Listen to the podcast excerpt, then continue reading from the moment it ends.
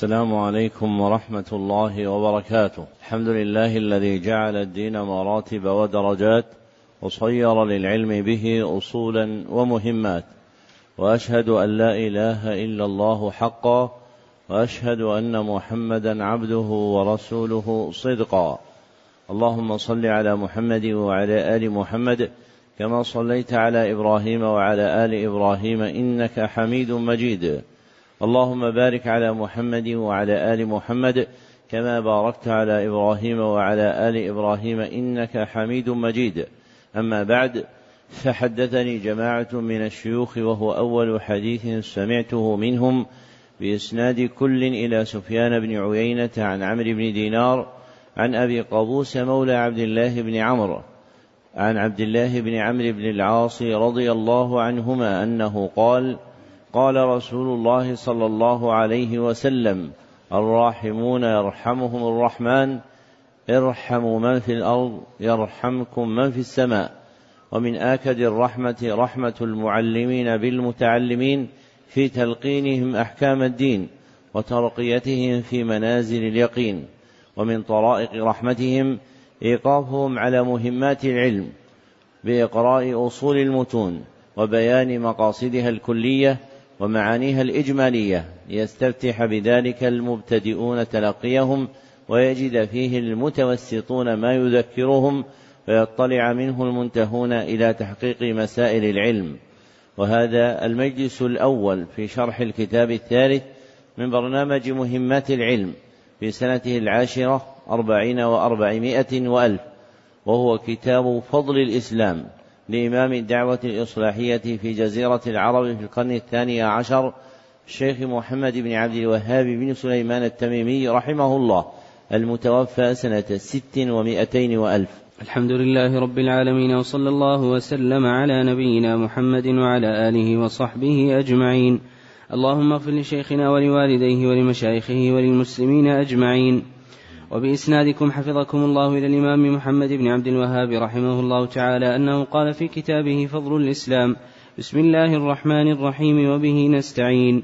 باب فضل الإسلام. ابتدأ المصنف كتابه بالبسملة مقتصرا عليها اتباعا للوارد في السنة النبوية في مكاتباته ومراسلاته صلى الله عليه وسلم إلى الملوك. فالتصانيف تجري مجراها. ثم قال وبه نستعين.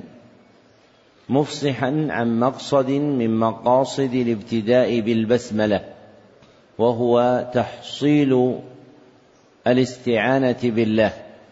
مفصحا عن مقصد من مقاصد الاستفتاح بالبسملة وهو تحصيل الاستعانة بالله.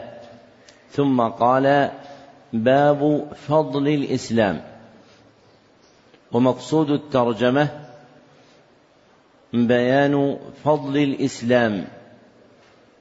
وهي المحاسن التي امتاز بها عن غيره. وهي المحاسن التي امتاز بها عن غيره. فأصل الفضل الزيادة. فأصل الفضل الزيادة.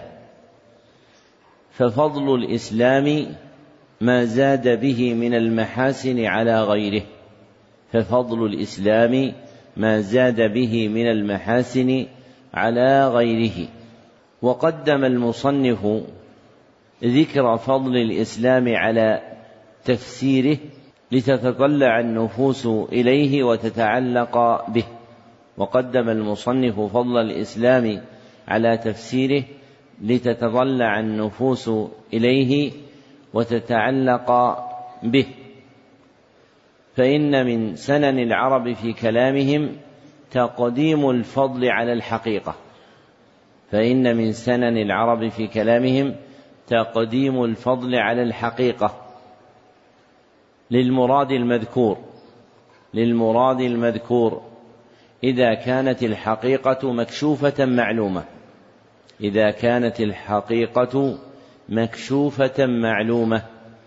ذكره ابن حجر في فتح الباري. ذكره ابن حجر في فتح الباري. فتقديم ذكر فضل الشيء على تفسير حقيقته له موجب وشرط. فتقديم ذكر فضل الشيء على تفسير حقيقته له موجب وشرط. فموجبه تطلع النفوس إليه وتعلقها به. فموجبه تطلع النفوس إليه وتعلقها به. فإنها إذا عرفت فضله رغبت فيه وتشوفت إليه. وشرطه أن تكون حقيقته مكشوفة معلومة عند السامع. وشرطه أن تكون حقيقته مكشوفة معلومة عند السامع والمقصود بالترجمة في اصطلاح أهل العلم ما يجعل عنوانا لما بعده من الكلام والمقصود بالترجمة في اصطلاح أهل العلم ما يجعل عنوانا لما بعده من الكلام فهو يترجم عنه ويفصح عما فيه. فهو يترجم عنه ويفصح عما فيه.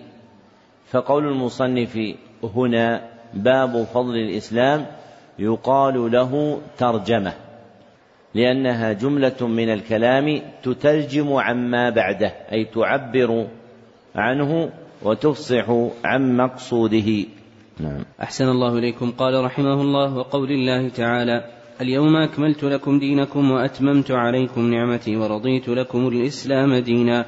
وقوله تعالى قل يا أيها الناس إن كنتم في شك من ديني فلا أعبد الذين تعبدون من دون الله الآية وقوله تعالى يا أيها الذين آمنوا اتقوا الله وآمنوا برسوله يؤتكم كفلين من رحمته الآية وفي الصحيح عن ابن عمر رضي الله عنهما أن رسول الله صلى الله عليه وسلم قال مثلكم ومثل أهل الكتابين كمثل رجل استأجر أجراء فقال من يعمل لي عملا من غدوة إلى نصف النهار على قيراط فعملت اليهود ثم قال من يعمل لي من نصف النهار إلى صلاة العصر على قيراط فعمل فعملت النصارى. ثم قال من يعمل لي من صلاة العصر إلى أن تغيب الشمس على قيراطين فأنتم هم.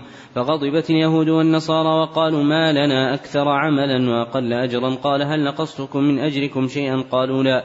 قال ذلك فضلي أوتيه من أشاء. وفيه أيضا عن أبي هريرة رضي الله عنه أنه قال قال رسول الله صلى الله عليه وسلم أضل الله عن الجمعة من كان قبلنا فكان لليهود يوم السبت والنصارى يوم الأحد.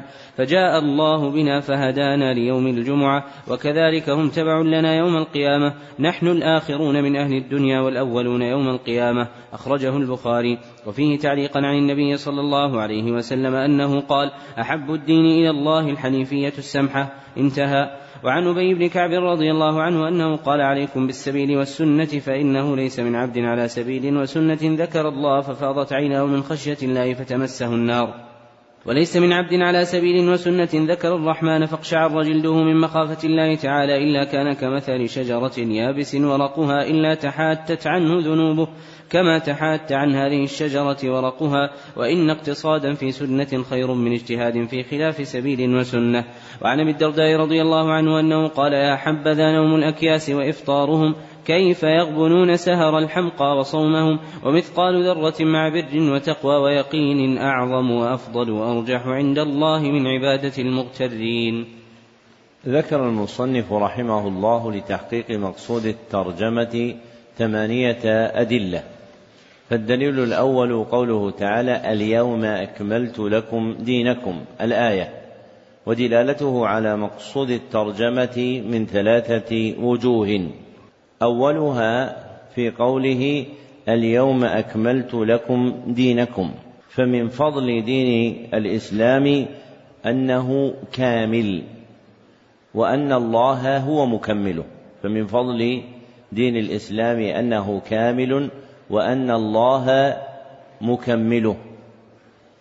وبلوغ الكمال فضل وكون المكمل الله غاية الفضل. وبلوغ الكمال فضل وكون المكمل الله غاية الفضل. وثانيها في قوله تعالى وأتممت عليكم نعمتي. فأجل النعمة التي أنعمها الله على عباده هي النعمة الدينية في دين الإسلام. فأجل النعمة التي أنعمها الله على عباده هي النعمة الدينية التي هي دين الإسلام. فمن فضل الإسلام أنه أجل نعم الله على العبد. فمن فضل الإسلام أنه أجل نعم الله على العبد.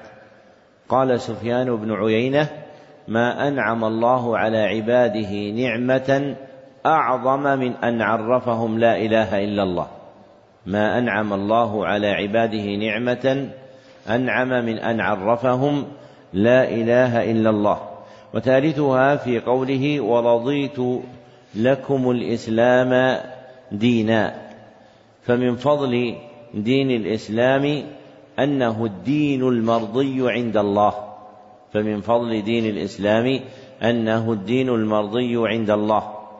وما عداه مبغض مسخوط عليه وما عداه مبغض مسخوط عليه.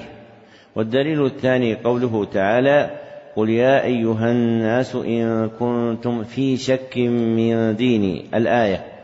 ودلالته على مقصود الترجمه في قوله في تمامها فلا اعبد الذين تعبدون من دون الله ولكن أعبد الله الذي يتوفاكم. فمن فضل دين الإسلام أن معبود أهله هو الله. فمن فضل دين الإسلام أن معبود أهله هو الله. وهو المعبود الحق. وهو المعبود الحق.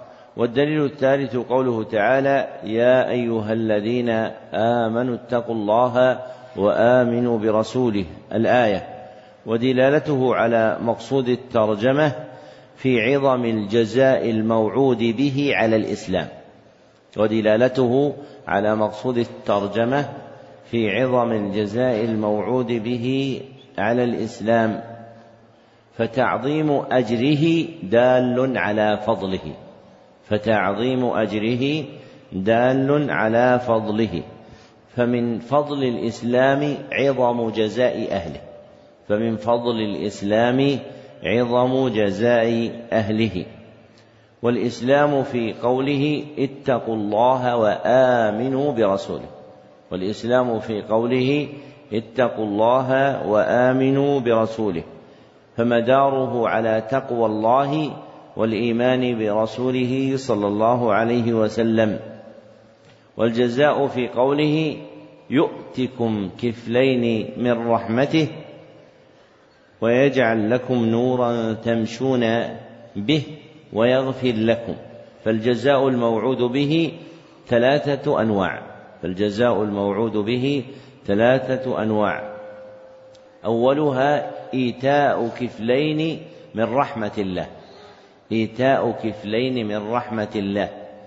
والكفل النصيب فلهم نصيب من رحمة الله في الدنيا والآخرة وثانيها أن يجعل الله لهم نورا يهتدون به أن يجعل الله لهم نورا يهتدون به فلهم نور في الدنيا يهتدون به إلى أنواع الطاعات من سبل السلام. فلهم نور في الدنيا يهتدون به إلى أنواع الطاعات من سبل السلام. ولهم نور في الآخرة يهتدون به إلى الجنة دار السلام. ولهم نور في الآخرة يهتدون به إلى الجنة دار السلام. وثالثها أن يغفر الله سبحانه وتعالى لهم في الدنيا والآخرة.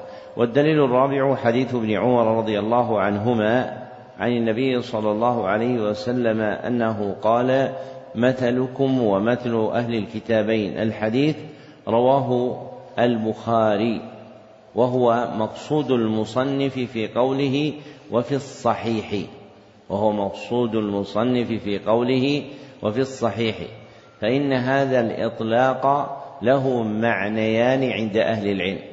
فإن هذا الإطلاق له معنيان عند أهل العلم. أحدهما إرادة كتاب مصنف مختص بالصحيح. إرادة كتاب مصنف مختص بالصحيح. هو البخاري ومسلم. اتفاقا أو انفرادا. هو البخاري ومسلم. اتفاقا أو انفرادا. فيقع في كلام أهل العلم قولهم وفي الصحيح أي وفي الكتاب المختص بالصحيح وهو صحيح البخاري أو صحيح مسلم ويكون الحديث تارة متفقا عليه بينهما وتارة ينفرد به أحدهما عن الآخر كالواقع هنا فالحديث في البخاري وحده. والآخر إرادة جنس الحديث الصحيح. إرادة جنس الحديث الصحيح وإن لم يكن الحديث المذكور في ذينك الكتابين إرادة جنس الحديث الصحيح وإن ولو لم يكن ذلك ولو لم يكن الحديث في ذينك الكتابين فيقع في كلام أهل العلم قولهم وفي الصحيح على إرادة وفي الحديث الصحيح المروي عن النبي صلى الله عليه وسلم ودلالته على مقصود الترجمة في قوله فذلك فضلي أوتيه من أشاء فذلك فضلي أوتيه من أشاء. وهذا الحديث ضرب مثلا لهذه الأمة أن عملهم يكون بمنزلة من يعمل بعد العصر إلى غروب الشمس باعتبار مدة بقائهم بين الأمم ويكون جزاؤهم أعظم من غيرهم من الأمم التي تقدمتهم من أهل الكتاب فهم أقل عملا وأعظم جزاء فهم أقل عملا وأعظم جزاء. فمن فضل الإسلام عظم جزاء أهله فمن فضل الإسلام عظم جزاء أهله فهم يؤتون الأجور الجليلة على الأعمال القليلة فهم يؤتون الأجور الجليلة على الأعمال القليلة. والدليل الخامس حديث أبي هريرة رضي الله عنه أنه قال قال رسول الله صلى الله عليه وسلم نحن قال أضل الله عن الجمعة من كان قبلنا. الحديث أخرجه مسلم بهذا اللفظ وهو عند البخاري بمعناه فهو من المتفق عليه واللفظ لمسلم فهو من المتفق عليه واللفظ لمسلم. ودلالته على مقصود الترجمة في قوله نحن الآخرون. من أهل الدنيا والأولون يوم القيامة. أي نحن الآخرون وجودا بين الأمم. أي نحن الآخرون وجودا بين الأمم. ونحن الأولون يوم القيامة.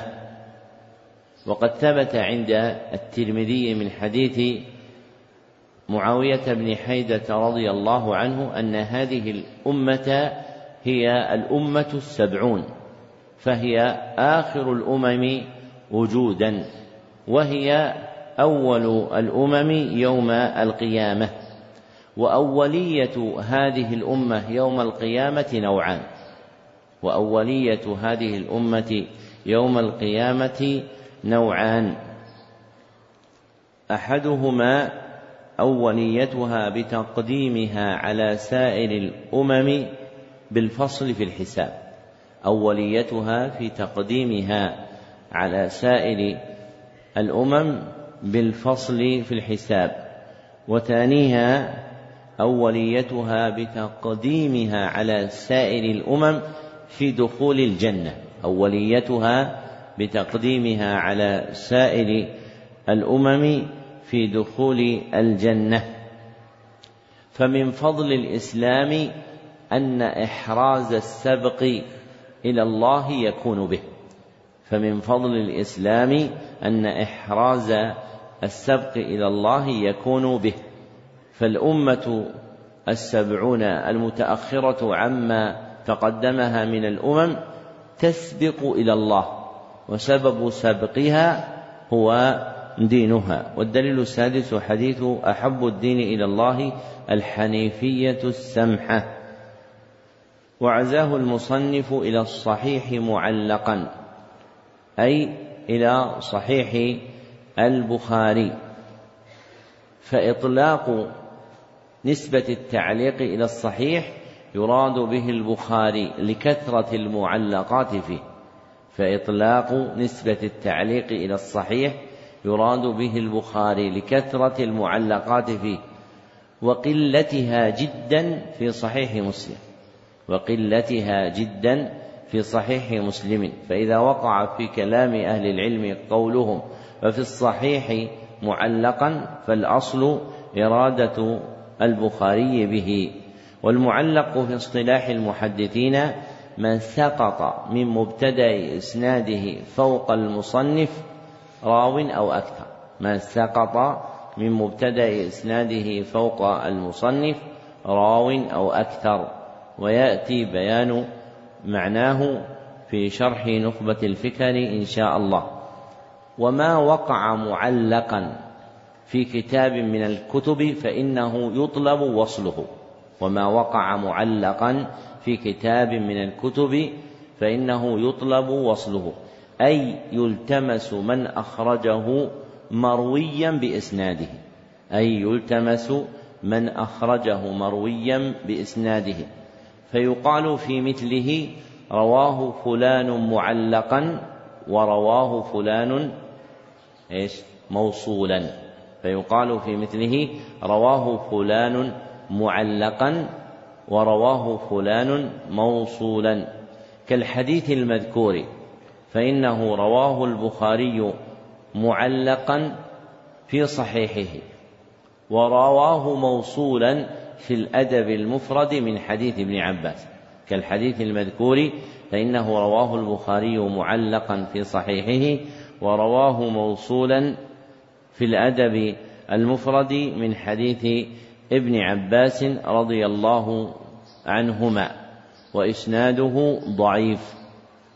وله شواهد يحسن بها فهو حديث حسن جزم به العلائي وغيره ودلالته على مقصود الترجمة من وجهين أحدهما في وصف دين الإسلام أنه حنيف سمح أحدهما في وصف دين الإسلام أنه حنيف سمح فهو حنيف في الاعتقاد سمح في العمل.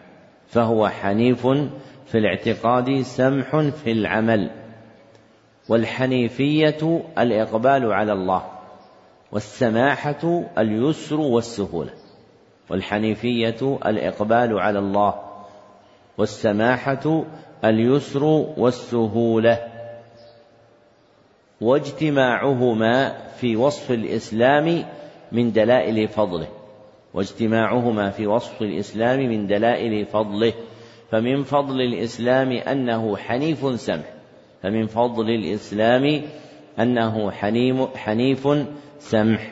والآخر في كونه أحب الدين إلى الله والآخر في كونه أحب الدين إلى الله. فمحبوب الله من الأديان هو الإسلام. فمحبوب الله من الأديان هو الإسلام. فمن فضل دين الإسلام أنه أحب الدين إلى الله. فمن فضل دين الإسلام أنه أحب الدين إلى الله. والدليل السابع حديث أبي بن كعب رضي الله عنه موقوفا من كلامه أنه قال عليكم بالسبيل والسنة. الحديث ولم يعزه المصنف. ورواه ابن المبارك في كتاب الزهد وابن أبي شيبة في المصنف وإسناده ضعيف ومعناه صحيح ومثل هذا مما يتسامح في ذكره ومثل هذا مما يتسامح في ذكره فإذا صح معناه مع ضعف إسناده وكان من باب الموقوفات أو المقطوعات تسومح في ذكره. ودلالته على مقصود الترجمة من وجهين. أحدهما في قوله رضي الله عنه فإنه ليس من عبد على سبيل وسنة. ذكر الله ففاضت عيناه من خشية الله فتمسه النار. فمن فضل الإسلام أنه يحرم العبد على النار. فمن فضل الإسلام أنه يحرم العبد على النار. والآخر في قوله وليس من عبد على سبيل وسنة ذكر الله فاقشعر جلده من خشية الله إلا كان مثله مثل شجرة يبس, يبس ورقها فبينما هي كذلك أصابتها ريح. فتحات عنها ورقها إلا تحاتت عنه ذنوبه كما تحات عن هذه الشجرة ورقها. فمن فضل دين الإسلام أنه يمحو ذنوب العبد. فمن فضل دين الإسلام أنه يمحو ذنوب العبد. واجتماع هذين من دلائل فضل الإسلام. واجتماع هذين من فضل الإسلام. أنه يحرم العبد على النار ويمحو ذنوبه. أنه يحرم العبد على النار ويمحو ذنوبه. وهذان الأمران ثابتان بدلائل مختلفة من القرآن والسنة. وهذان الأمران ثابتان بدلائل مختلفة من القرآن والسنة. فمن المقطوع به بالدلائل المجمع عليها من القرآن وما صح من السنة المروية في الصحيحين أن الإسلام يمحو ذنوب العبد ويحرمه على النار. واختار المصنف تقرير هذا المعنى بسياق الأثر المذكور عن أبي بن كعب واختار المصنف تقرير هذا المعنى بذكر الأثر بالسياق المذكور عن أبي بن كعب لما فيه من بيان الإسلام المحقق ذلك. لما فيه من بيان الإسلام المحقق ذلك. وهو الإسلام الذي على السبيل والسنة. وهو الإسلام الذي على السبيل والسنة. أي الإسلام الذي جاء به النبي صلى الله عليه وسلم. أي الإسلام الذي جاء به النبي صلى الله عليه وسلم. فإذا عظم حظ العبد منه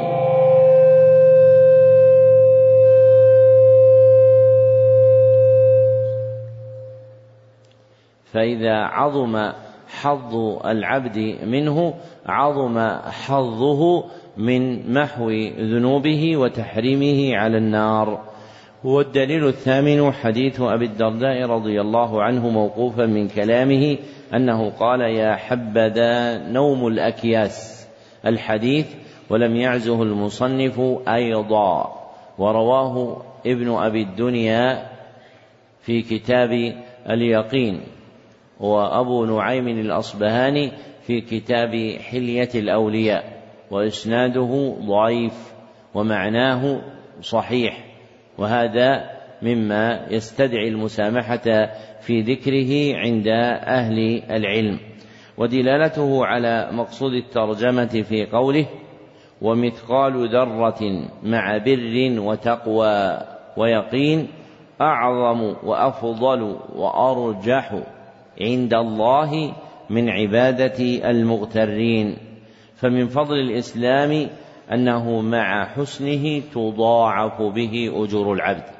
فمن فضل الإسلام أنه مع حسنه تضاعف به أجور العبد فإن فاعل الحسنة له عشر حسنات فإن فاعل الحسنة له عشر حسنات والمضاعفة بما زاد عليها إلى سبعين ضعفا إلى سبعمائة ضعف إلى أضعاف كثيرة مناطة بحسن الإسلام والمضاعفة عليها إلى سبعين ضعف أو إلى سبعمائة ضعف أو إلى أضعاف كثيرة مناطة بحسن الإسلام فمن حسن إسلامه عظم أجره. فمن فضل الإسلام أنه إذا حسن إسلام العبد ضوعف له أجره على عمله.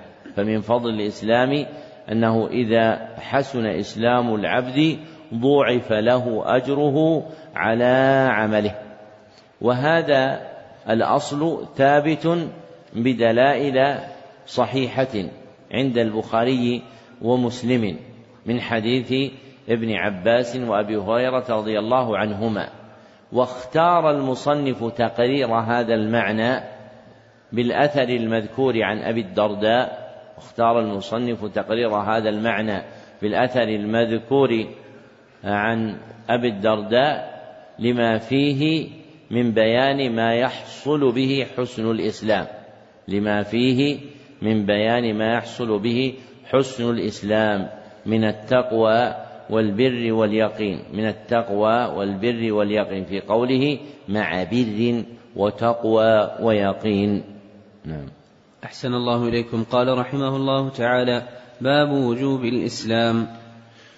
مقصود الترجمة بيان حكم الإسلام وأنه واجب. مقصود الترجمة بيان حكم الإسلام وأنه واجب. والوجوب مقتضى الإيجاب. والوجوب مقتضى الإيجاب. أي الأثر الناشئ عنه المرتب عليه. أي الأثر الناشئ عنه المرتب عليه. فالألفاظ الجاري ذكرها هنا ثلاثة. فالألفاظ الجاري ذكرها هنا ثلاثة. أولها الإيجاب. أولها الإيجاب. وهو الخطاب الشرعي المقتضي للأمر اقتضاء جازما. وهو الخطاب الشرعي الطلب المقتضي للأمر اقتضاء جازما. وثانيها الوجوب وثانيها الوجوب وهو الأثر الناشئ عن حكم الشرع بالإيجاب وهو الأثر الناشئ عن حكم الشرع بالإيجاب. فإذا كان حكم الشرع في شيء إيجابه تعلق به الوجوب أثرا ناشئا عنه. وثالثها الواجب وهو حكم الشرع بالإيجاب حال تعلقه بالعبد. حكم الشرع بالإيجاب حال تعلقه بالعبد. فيقال في شيء ما هو واجب أي باعتبار حكم الله على العبد فيه. فيقال في شيء ما هو واجب أي باعتبار حكم الشرع حال تعلقه بالعبد أنه واجب عليه. والإسلام المراد هنا هو الدين الذي بعث به النبي صلى الله عليه وسلم. والإسلام المراد هنا هو الدين الذي بعث به النبي صلى الله عليه وسلم. والمراد بوجوبه مطالبة الخلق بامتثال أحكامه في الخبر والطلب.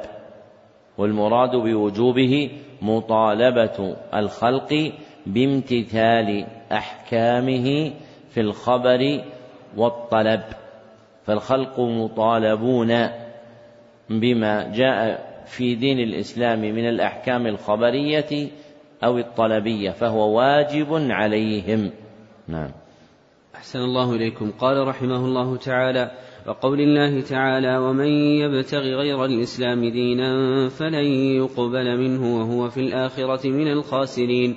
وقوله تعالى إن الدين عند الله الإسلام الآية وقوله وأن هذا صراطي مستقيما فاتبعوه ولا تتبعوا السبل فتفرق بكم عن سبيله الآية. قال مجاهد رحمه الله السبل البدع والشبهات.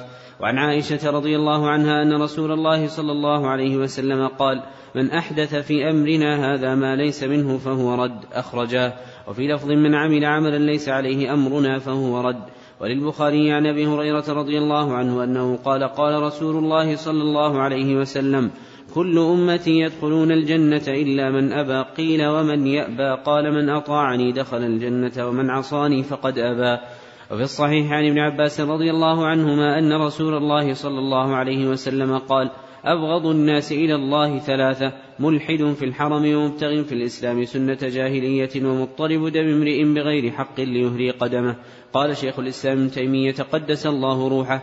قوله سنة جاهلية يندرج فيها كل جاهلية مطلقة أو مقيدة أي في شخص دون شخص كتابية أو وثنية أو غيرهما من كل مخالفة لما جاءت به المرسلون. وفي الصحيح عن حذيفة رضي الله عنه أنه قال يا معشر القراء استقيموا فإن استقمتم فقد سبقتم سبقا بعيدا فإن أخذتم يمينا وشمالا فقد ضللتم ضلالا بعيدا. وعن محمد بن وضاح أنه كان يدخل المسجد فيقف على الحلق فيقول فذكره. وقال أنبانا بن عيينة عن مجالد عن الشعبي عن مسروق أنه قال قال عبد الله عن ابن مسعود رضي الله عنه ليس عام إلا والذي بعده شر منه لا أقول عام أخصب من عام ولا أمير خير من أمير لكن ذهاب علمائكم وخياركم ثم يحدث أقوام يقيسون الأمور بآرائهم فينهدم الإسلام ويثلم. ذكر المصنف رحمه الله لتحقيق مقصود الترجمة ثمانية أدلة أيضا. فالدليل الأول قوله تعالى ومن يبتغي غير الإسلام دينا فلن يقبل منه. الآية ودلالته على مقصود الترجمة ما فيه من وعيد من ابتغى غير الإسلام دينا.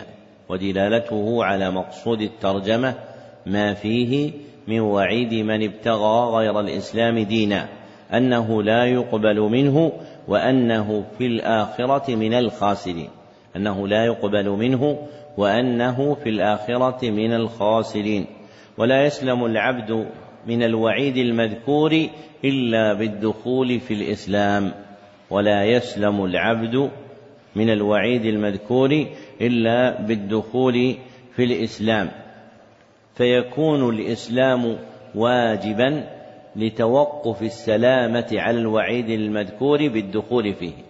فيكون الإسلام واجبا لتوقف السلامة من الوعيد المذكور على الدخول فيه.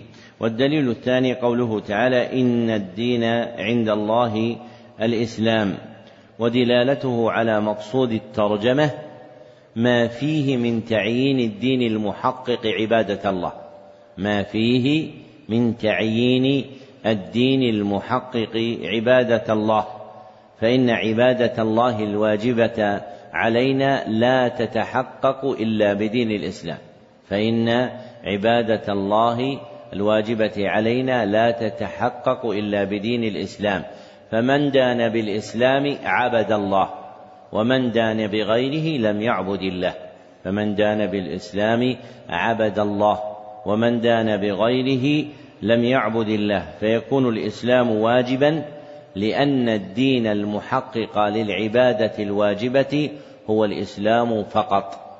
فيكون الإسلام واجبا لأن الدين المحقق للعبادة الواجبة علينا هو دين الإسلام فقط. والدليل الثالث قوله تعالى وأن هذا صراطي مستقيما. الآية ودلالته على مقصود الترجمة من وجهين أحدهما في قوله فاتبعوه أي اتبعوا الصراط المستقيم الذي هو الإسلام أي اتبعوا الصراط المستقيم الذي هو الإسلام والأمر للإيجاب فيكون الإسلام واجبا والأمر للإيجاب فيكون الإسلام واجبا. والآخر في قوله في تمام الآية ولا تتبعوا السبل فتفرق بكم عن سبيل والآخر في قوله في تمام الآية ولا تتبعوا السبل فتفرق بكم عن سبيله وهو نهي عن سلوك السبل يستلزم الامر بسلوك طريق الاسلام وهو نهي عن سلوك السبل يستلزم الامر بسلوك طريق الاسلام فيكون الاسلام واجبا للامر به وذكر المصنف في تفسير السبل قول مجاهد وهو ابن جبر المكي أحد أصحاب ابن عباس رضي الله عنهما من التابعين أنه قال السبل البدع والشبهات. أخرجه الدارمي وإسناده صحيح. واسم السبل يجمع كل ما خالف ما جاء به الرسول صلى الله عليه وسلم.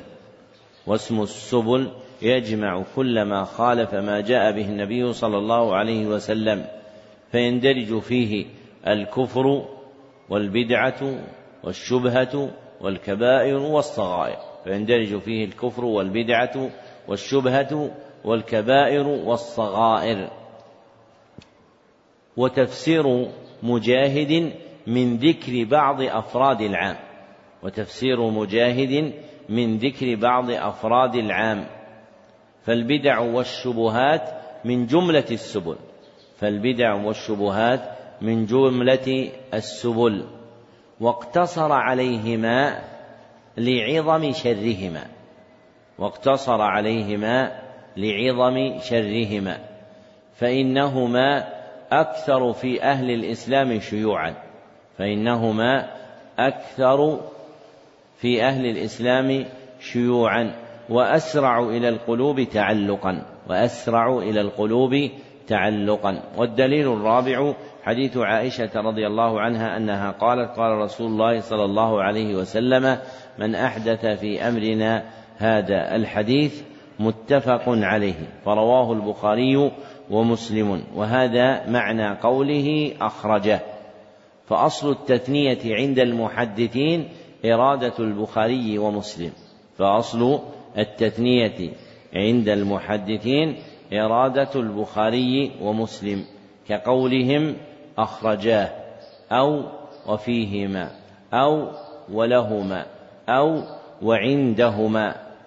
فالألفاظ المذكورة كلها تدل على أن الحديث المذكور معها مروي في البخاري ومسلم. واللفظ الذي ذكره المصنف مفردا من عمل عملا ليس عليه أمرنا هو عند عند مسلم وحده موصولا وعند البخاري معلقا هو عند مسلم وحده موصولا وعند البخاري معلقا. ودلالته على مقصود الترجمة ما فيه من رد الدين المحدث ما فيه من رد الدين المحدث. وكونه مردودا غير مقبول وكونه مردودا غير مقبول وهو يستلزم قبول الدين الذي جاء به النبي صلى الله عليه وسلم وهو يستلزم قبول الدين الذي جاء به النبي صلى الله عليه وسلم وأنه مأمور به وأنه مأمور به والأمر للإيجاب والأمر للإيجاب. فالدين المأمور به المقبول من العبد هو الإسلام. فالدين المأمور به المقبول من العبد هو دين الإسلام. فيكون واجبا عليه. فيكون واجبا عليه. والدليل الخامس حديث أبي هريرة رضي الله عنه أنه قال قال رسول الله صلى الله عليه وسلم كل أمتي يدخلون الجنة. الحديث رواه البخاري. ودلالته على مقصود الترجمة من وجهين. أحدهما في قوله من أطاعني دخل الجنة أحدهما في قوله من أطاعني دخل الجنة واستحقاق دخول الجنة يكون على امتثال امتثال مأمور به أو ترك منهي عنه. واستحقاق دخول الجنة يكون على امتثال مأمور به أو ترك منهي عنه. وأعظم طاعة الرسول صلى الله عليه وسلم المأمور بها طاعته في دخول دين الإسلام. وأعظم طاعة النبي صلى الله عليه وسلم المأمور بها طاعته في الدخول في دين الإسلام فيكون واجبا على العبد فيكون واجبا على العبد. والآخر في قوله ومن عصاني فقد أبى. ومن عصاني فقد أبى. وعصيانه صلى الله عليه وسلم هو في الإعراض عما جاء به. وعصيانه صلى الله عليه وسلم هو في الإعراض عما جاء به. وأعظم ما جاء به هو دين الإسلام. وأعظم ما جاء به هو دين الإسلام. فمن عصاه فقد أعرض عنه. فمن عصاه فقد أعرض عنه. فعدم استحقاقه الجنة على معصيته يدل على وجوب دين الإسلام. فعدم استحقاقه الجنة على معصيته يدل على وجوب دين الإسلام. لأن نفي استحقاقها إنما يكون على ترك مأمور به أو فعل منهي عنه. والدليل السادس حديث ابن عباس رضي الله عنهما أن رسول الله صلى الله عليه وسلم قال أبغض الناس إلى الله ثلاثة. الحديث رواه البخاري وهو المراد في قول المصنف وفي الصحيح ودلالته على مقصود الترجمة في قوله ومبتغ في الإسلام سنة الجاهلية. ومبتغ في الإسلام سنة سنة جاهلية. وسنة الجاهلية كل ما خالف ما جاء به الرسول صلى الله عليه وسلم من اعتقاد أو قول أو عمل. كل ما خالف ما جاء به الرسول صلى الله عليه وسلم من اعتقاد أو قول أو عمل. فمن طلب سنن الجاهلية في الإسلام فهو من أبغض خلق الله. فمن ابتغى سنن الجاهلية في الإسلام فهو من أبغض الخلق إلى الله فيكون فعله منهيا عنه فيكون فعله, فعله محرما منهيا عنه فيكون فعله محرما منهيا عنه. ويستلزم الأمر بمقابله ويستلزم الأمر بمقابله. وهو ابتغاء شعائر الإسلام فيه وهو ابتغاء شعائر الإسلام فيه وشعائره أعلامه ومعالمه وشعائره أعلامه ومعالمه من الاعتقادات والأقوال والأعمال. فيكون الإسلام واجبا فيكون الإسلام واجبا للأمر به على وجه المقابلة للمنهي عنه المذكور في الحديث. والدليل السابع حديث حذيفة رضي الله عنه أنه قال يا معشر القراء الحديث رواه البخاري موقوفا عليه من كلامه. وزيادة ابن وضاح هي عنده في كتاب البدع والنهي عنها.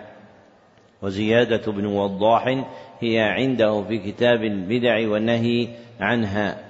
وإسناده صحيح وأخرجها من هو أقدم منه وأولى بالعزم فرواها ابن أبي شيبة في مصنفه وأخرجها من هو أقدم منه وأولى بالعزو فرواها ابن أبي شيبة في مصنفه ودلالته على مقصود الترجمة من وجهين ودلالته على مقصود الترجمة من وجهين أحدهما في قوله استقيموا.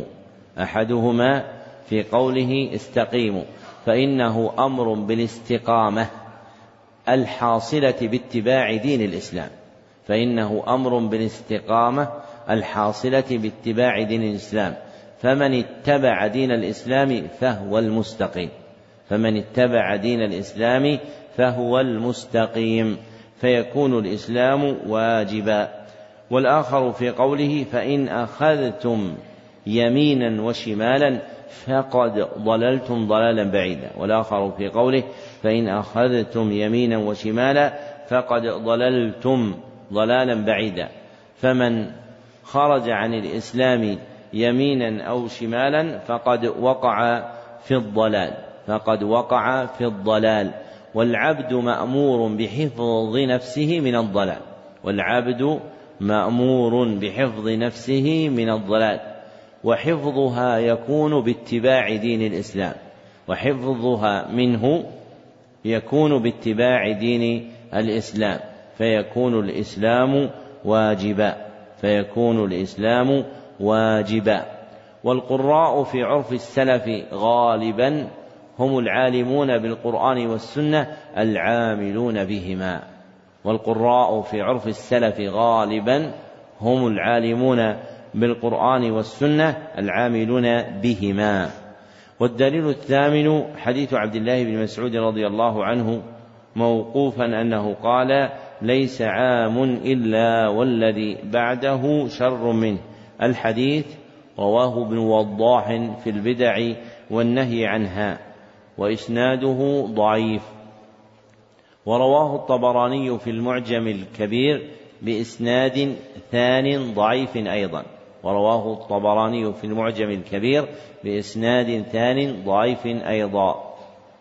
ورواه يعقوب بن شيبة في مسنده بإسناد ثالث ضعيف أيضا. ورواه يعقوب بن شيبة في مسنده بإسناد ثالث ضعيف أيضا. ومجموع تلك الطرق يقضي بأن يكون الأثر حسنا ومجموع تلك الطرق يقضي بأن يكون الأثر حسنا فهو حديث حسن. وله حكم الرفع لأنه لا يقال من قبل الرأي. وله حكم الرفع لأنه لا يقال من قبل الرأي. ومعنى قول أهل العلم في شيء له حكم الرفع أن معناه ينسب إلى النبي صلى الله عليه وسلم وإن لم يكن لفظه منه. أن معناه ينسب إلى النبي صلى الله عليه وسلم وإن لم يكن لفظه منه. كالحديث المذكور هنا فلفظه من ابن مسعود رضي الله عنه فهو الذي قاله وتكلم به. وأما معناه فمن المقطوع أنه مأخوذ عن النبي صلى الله عليه وسلم. وأما معناه فمن المقطوع أنه مأخوذ عن النبي صلى الله عليه وسلم. لماذا يقطع بذلك؟ لما فيه من خبر عن غيب مستقبل. لما فيه من خبر عن غيب مستقبل. لا طريق إلى العلم به إلا الوحي. لا طريق إلى العلم به إلا الوحي المأخوذ عن النبي صلى الله عليه وسلم. ويصدق هذا ما جاء في صحيح البخاري عن الزبير بن عدي أنه قال شكونا إلى أنس رضي الله عنه ما نجده من الحجاج فقال اصبروا فإنه لا يأتي عليكم عام إلا والذي بعده أشد منه. اصبروا فإنه لا يأتي عليكم عام إلا والذي بعده أشد منه. سمعته من نبيكم صلى الله عليه وسلم. فالحديث المرفوع المصرح به عند البخاري من حديث أنس هو بمعنى هذا الحديث الموقوف عن ابن مسعود فهو يشهد له بأنه لا يقال من قبل الرأي. ودلالته على مقصود الترجمة في قوله لكن ذهاب علمائكم وخياركم ثم يحدث أقوام يقيسون الأمور بآرائهم فينهدم الإسلام ويثلم. والثلم والثلم هو الخلل. والثلم هو الخلل.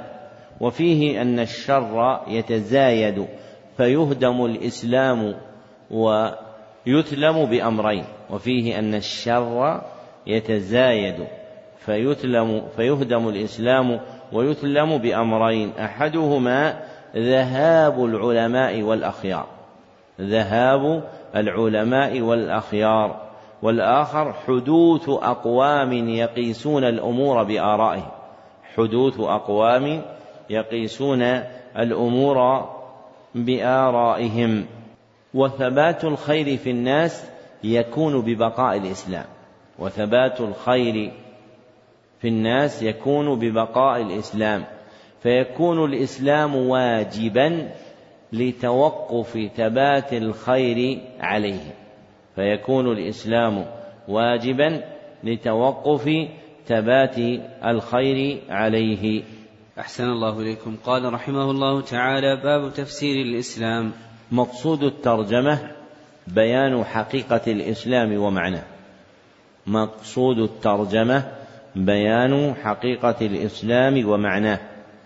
والإسلام الشرعي له إطلاقان. والإسلام الشرعي له إطلاقان. أحدهما عام. أحدهما عام. وهو الاستسلام لله بالتوحيد. وهو الاستسلام لله بالتوحيد. والانقياد له بالطاعة. والانقياد له بالطاعة. والبراءة من الشرك وأهله. والبراءة من الشرك وأهله. وحقيقته هي الاستسلام لله.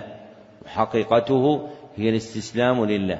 فالجملتان المذكورتان بعده مندرجتان فيه. فالجملتان المذكورتان بعده مندرجتان فيه. فإذا قيل في بيان معنى الإسلام بالمعنى العام هو الاستسلام لله كان كافيا. ووقع في كلام أهل العلم زيادة الجملتين مبالغة في الإيضاح. وقع في كلام أهل العلم زيادة الجملتين مبالغة في الإيضاح. والآخر خاص وله معنيان أيضا. والآخر خاص وله معنيان أيضا. الأول الدين الذي بعث به محمد صلى الله عليه وسلم. الدين الذي بعث به محمد صلى الله عليه وسلم فإنه يسمى إسلاما. والآخر والثاني الشرائع الظاهرة. والثاني الشرائع الظاهرة. فإنها تسمى إسلاما. فإنها تسمى إسلاما. وهذا المعنى هو المراد إذا قرن الإسلام بالإيمان والإحسان. وهذا المعنى هو المراد إذا قرن الإسلام بالإيمان والإحسان. فإذا وقعت هذه الأسماء الثلاثة في سياق واحد فقيل الإسلام والإيمان والإحسان فالمراد بالإسلام هنا الأعمال الظاهرة. نعم. أحسن الله إليكم. قال رحمه الله تعالى وقول الله تعالى فإن حاجوك فقل أسلمت وجهي لله ومن اتبعن. الآية وفي الصحيح عن ابن عمر رضي الله عنهما أن رسول الله صلى الله عليه وسلم قال الإسلام أن تشهد أن لا إله إلا الله وأن محمدا رسول الله وتقيم الصلاة وتؤتي الزكاة وتصوم رمضان وتحج البيت الحرام إن استطعت إليه سبيلا متفق عليه. وفيه عن أبي هريرة رضي الله عنه مرفوعا المسلم من سلم المسلمون من لسانه ويده والمهاجر من هجر ما نهى الله عنه وعن باز بن حكيم عن أبيه عن جده أنه سأل رسول الله صلى الله عليه وسلم عن الإسلام فقال أن تسلم قلبك لله وأن تولي وجهك إلى الله وأن تصلي الصلاة المكتوبة وتؤدي الزكاة المفروضة. رواه أحمد. وعن أبي قلابة عن رجل من أهل الشام عن أبيه أنه سأل رسول الله صلى الله عليه وسلم الإسلام فقال صلى الله عليه وسلم أن تسلم قلبك لله وأن يسلم المسلمون من لسانك ويدك. قال أي الإسلام أفضل؟ قال الإيمان بالله قال وما الإيمان بالله؟ قال أن تؤمن بالله وملائكته وكتبه ورسله واليوم الآخر والبعث بعد الموت. ذكر المصنف رحمه الله لتحقيق مقصود الترجمة خمسة أدلة. فالدليل الأول قوله تعالى فإن حاجوك فقل أسلمت وجهي لله. الآية. ودلالته على مقصود الترجمة في قوله أسلمت وجهي لله. فحقيقة إسلام الوجه هو استسلام العبد لله بالتوحيد. فحقيقة إسلام الوجه هو استسلام العبد لله بالتوحيد. وهذا هو تفسير الإسلام بمعناه العام كما تقدم. وقوله في الآية ومن اتبعن أي ومن اتبعني مسلما وجهه لله أي ومن اتبعني مسلما وجهه لله والدليل الثاني حديث عبد الله بن عمر رضي الله عنهما أن رسول الله صلى الله عليه وسلم قال الإسلام أن تشهد أن لا إله إلا الله. الحديث رواه مسلم في قصة حديث جبريل وهو من رواية عبد الله بن عمر عن أبيه عمر رضي الله عنه. فالمراد بقوله وفي الصحيح أو أي وفي صحيح مسلم فلا يصلح قوله بعده متفق عليه. وكأن هذه الزيادة الواقعة في بعض النسخ الخطية لا تثبت وكأن هذه الزيادة الواقعة في بعض النسخ الخطية لا تثبت.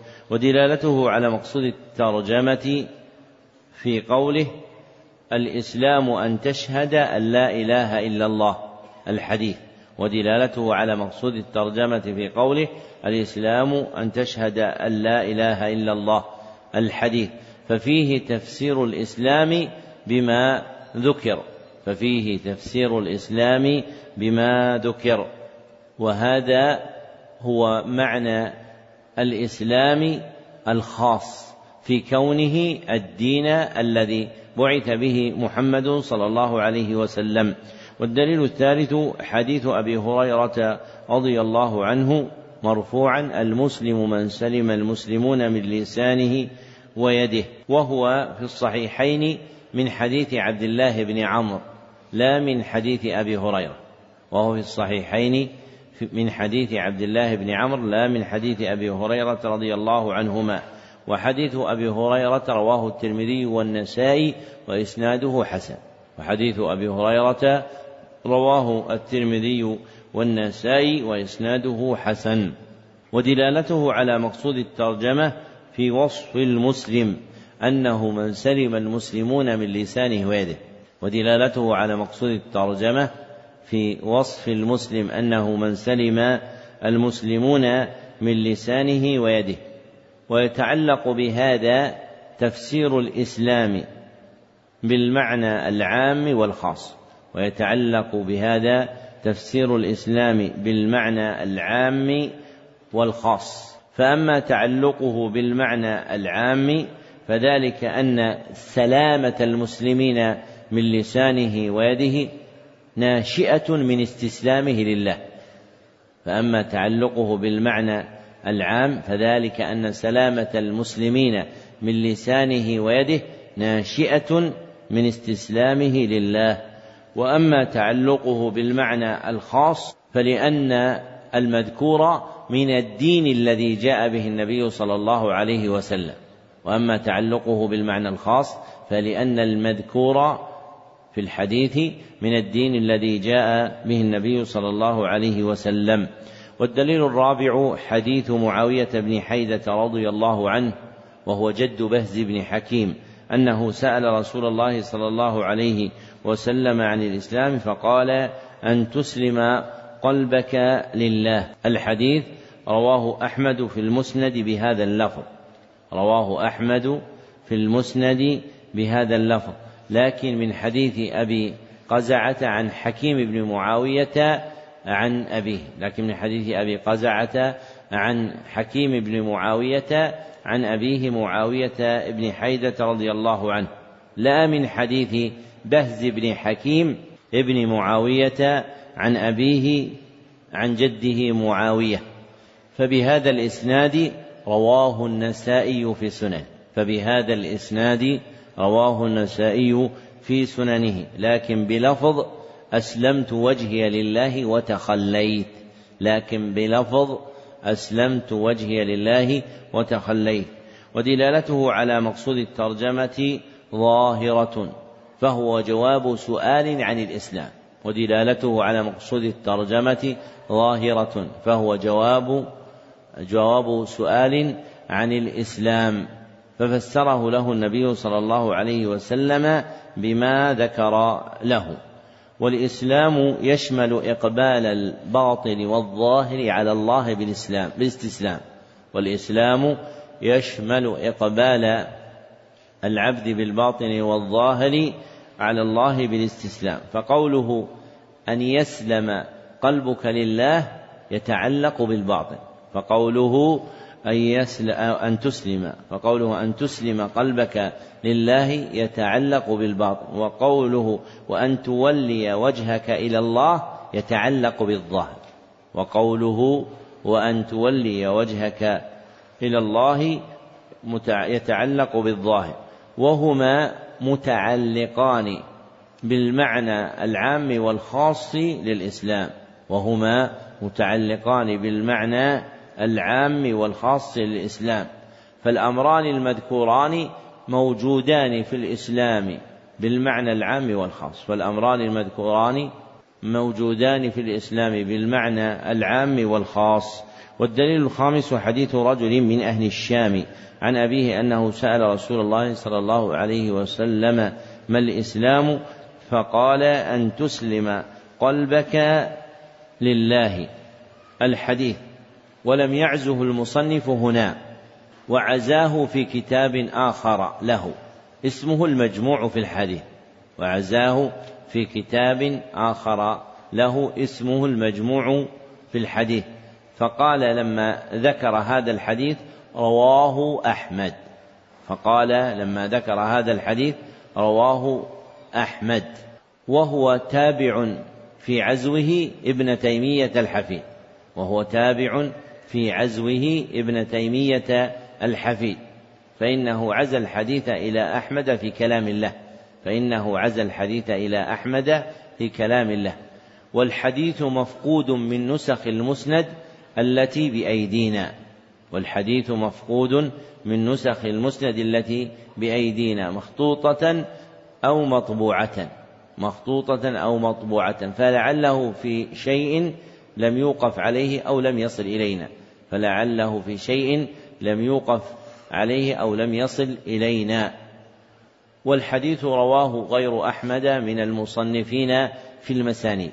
والحديث رواه غير أحمد من المصنفين في المسانيد فرواه مسدد بن مسرهد والحارث بن أبي أسامة وابن منيع في مسانيدهم فرواه مسدد بن مسرهد والحارث بن أبي أسامة وأحمد بن منيع في مسانيدهم وإسناده ضعيف وإسناده ضعيف ولجمله شواهد تقوى بها فهو حديث حسن بشواهده ولجمله شواهد تقوى بها فهو حديث حسن بشواهده ودلالته على مقصود الترجمة من وجهين ودلالته على مقصود الترجمة من وجهين أحدهما في قوله أن تسلم قلبك لله أحدهما في قوله أن تسلم قلبك لله والآخر في قوله وأن يسلم المسلمون من لسانك ويدك.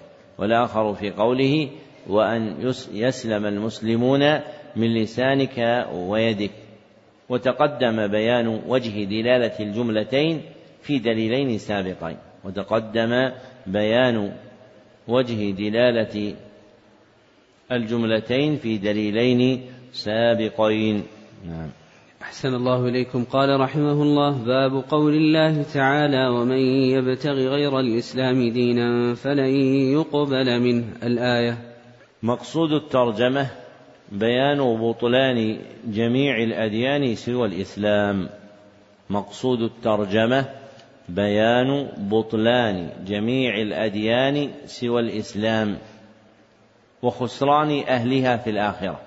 وخسران أهلها في الآخرة لأنها لا تقبل منهم لأنها لا تقبل منهم وكل مردود على صاحبه فهو باطل. وكل مردود على صاحبه فهو باطل. فالأديان كلها باطلة إلا الإسلام. فالأديان كلها باطلة إلا الإسلام. والأديان الباطلة نوعان. والأديان الباطلة نوعان. أحدهما دين مردود في أصله أي مطلقا. دين مردود في أصله وهي الأديان المخالفة الإسلام في معناه العام وهي الأديان المخالفة الإسلام في معناه العام وهي أديان المشركين الذين يعبدون غير الله. وهي أديان المشركين الذين يعبدون غير الله. والآخر دين مردود في وصفه. دين مردود في وصفه. أي في حال خاصة. أي في حال خاصة. وهي أديان الأنبياء بعد بعثة محمد صلى الله عليه وسلم. وهي أديان الأنبياء بعد بعثة محمد صلى الله عليه وسلم فإنه ببعثته نسخ ما تقدمه من الأديان فصارت تلك الأديان باطلة وبقي الدين الذي بعث به صلى الله عليه وسلم حق. فمن دان بعد البعثة المحمدية بدين من أديان من تقدم من الأنبياء فتدينه به باطل وهو مردود عليه لنسخه بالدين الذي بعث به محمد صلى الله عليه وسلم. نعم. أحسن الله إليكم. قال رحمه الله وعن أبي هريرة رضي الله عنه أنه قال قال رسول الله صلى الله عليه وسلم تجيء الأعمال يوم القيامة فتجيء الصلاة فتقول يا رب أنا الصلاة؟ فيقول إنك على خير. ثم تجيء الصدقة فتقول يا رب أنا الصدقة فيقول إنك على خير. ثم يجيء الصيام فيقول يا رب أنا الصيام فيقول إنك على خير. ثم تجيء الأعمال على ذلك فيقول إنك على خير. ثم يجيء الإسلام فيقول يا رب أنت السلام وأنا الإسلام فيقول إنك على خير. بك اليوم آخذ وبك أعطي قال الله تعالى في كتابه ومن يبتغي غير الإسلام دينا فلن يقبل منه وهو في الآخرة من الخاسرين. رواه الإمام أحمد. وفي الصحيح عن عائشة رضي الله عنها أن رسول الله صلى الله عليه وسلم قال من عمل عملا ليس عليه أمرنا فهو رد. رواه الإمام أحمد. ذكر المصنف لتحقيق مقصود الترجمة ثلاثة أدلة. فالدليل الأول قوله تعالى ومن يبتغي غير الإسلام دينا الآية. ودلالته على مقصود الترجمة من وجهين. أحدهما في قوله فلن يقبل منه. أحدهما في قوله فلن يقبل منه. وما لا يقبل من العبد فهو مردود عليه. وما لا يقبل من العبد فهو مردود عليه وكل مردود فهو باطل وكل مردود فهو باطل. فما سوى الإسلام من الأديان دين باطل. فما سوى الإسلام من الأديان دين باطل. والآخر في قوله وهو في الآخرة من الخاسرين. والآخر في قوله وهو في الآخرة من الخاسرين. وخسرانه بالخلود في النار وخسرانه بالخلود في النار ووقوع ذلك برهان على بطلان دينه ووقوع ذلك برهان على بطلان دينه فإن الله سبحانه وتعالى لم يدخله الجنة وحرمها عليه وجعله من أهل النار مع تدينه بدين تدين به لله. إلا أن دينه دين باطل فكان سبب خسارته. والدليل الثاني حديث أبي هريرة رضي الله عنه أنه قال قال رسول الله صلى الله عليه وسلم تجيء الأعمال يوم القيامة. الحديث رواه أحمد في مسنده وإسناده ضعيف. ودلالته على مقصود الترجمة في قوله ثم يجيء الإسلام. فيقول يا ربي.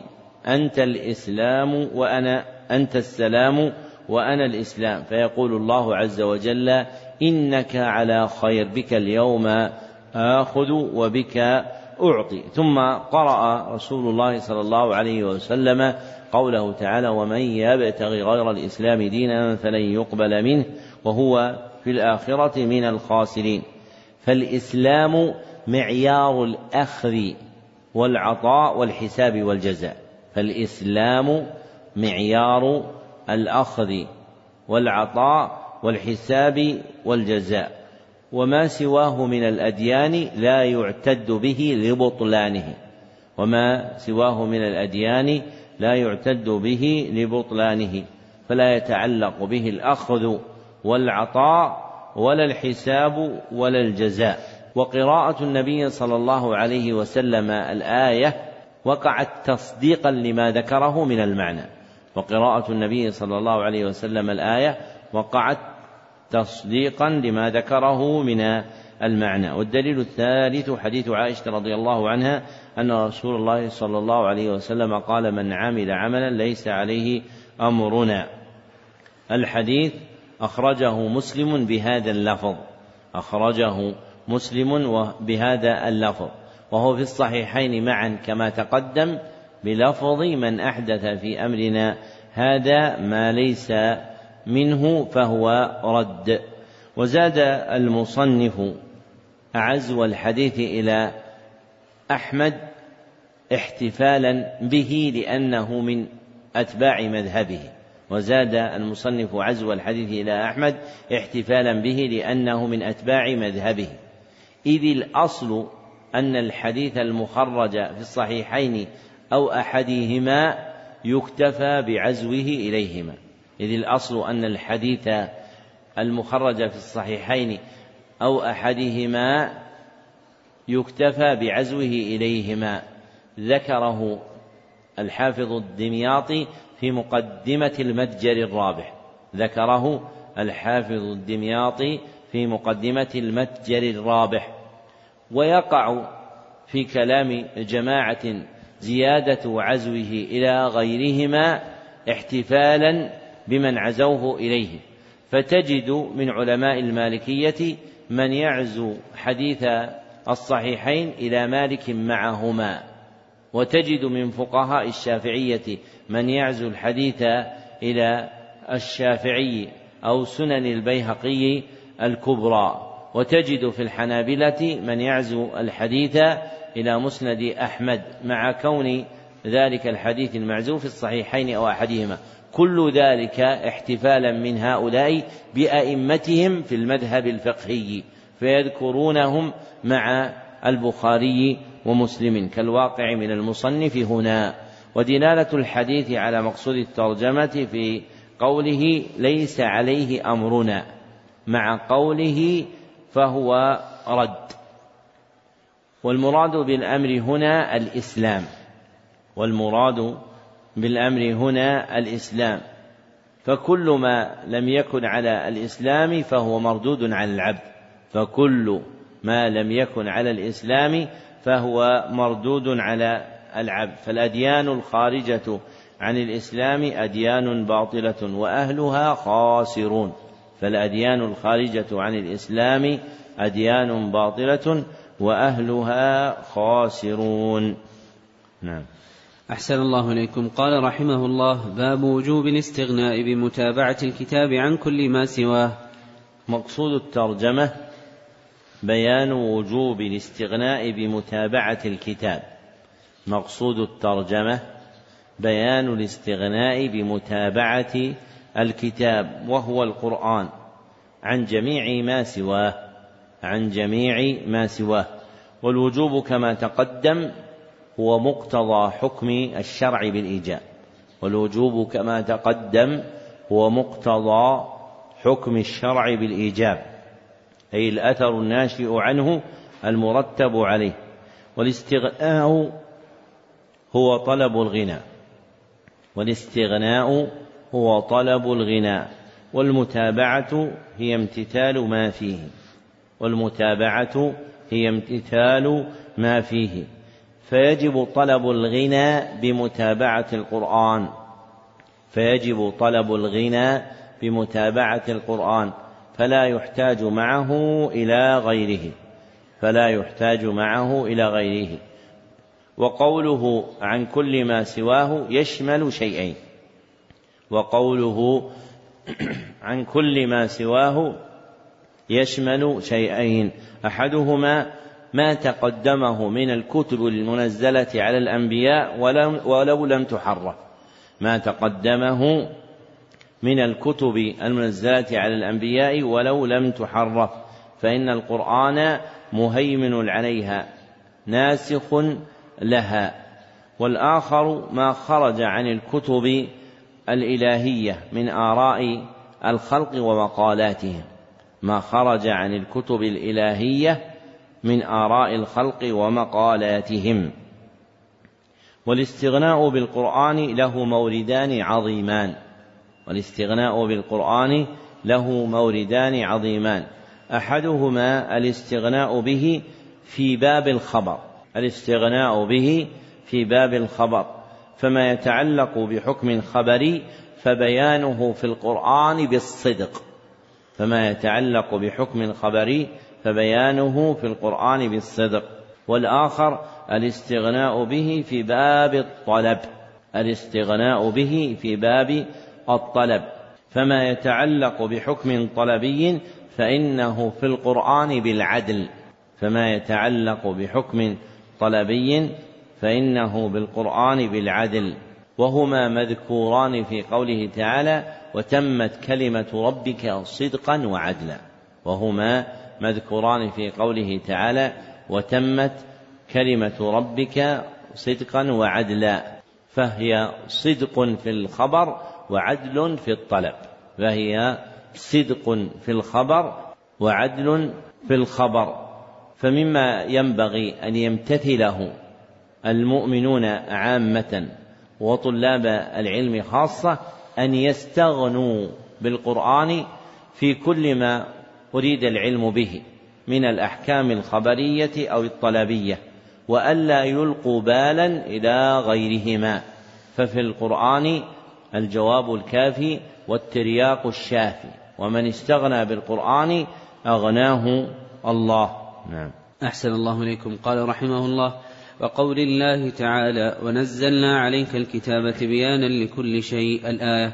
روى النسائي وغيره عن النبي صلى الله عليه وسلم أنه رأى في يد عمر بن الخطاب رضي الله عنه ورقة من التوراة فقال أمتهوكون يا ابن الخطاب لقد جئتكم بها بيضاء نقية لو كان موسى حيا واتبعتموه وتركتموني ضللتم. وفي رواية لو كان موسى حيا ما وسعه إلا اتباعي.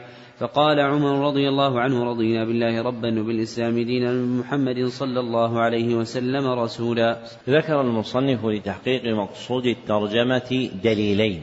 فالدليل الأول قوله تعالى ونزلنا عليك الكتاب تبيانا لكل شيء ودلالته على مقصود الترجمة في وصف الكتاب وهو القرآن أنه تبيان لكل شيء.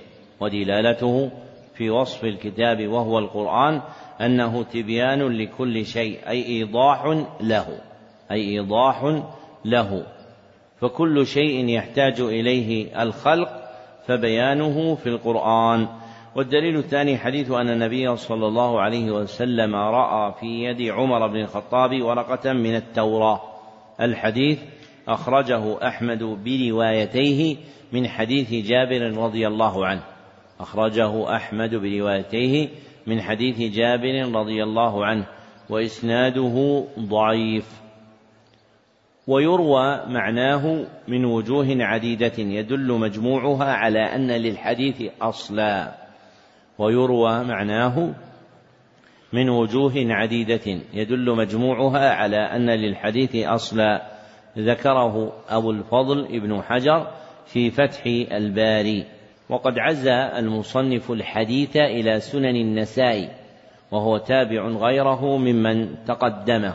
فوقع عزو الحديث إلى النسائي في كلام جماعة منهم ابن تيمية الحفيد منهم ابن تيمية الحفيد وصاحباه أبو الفداء بن كثير وأبو عبد الله بن القيم.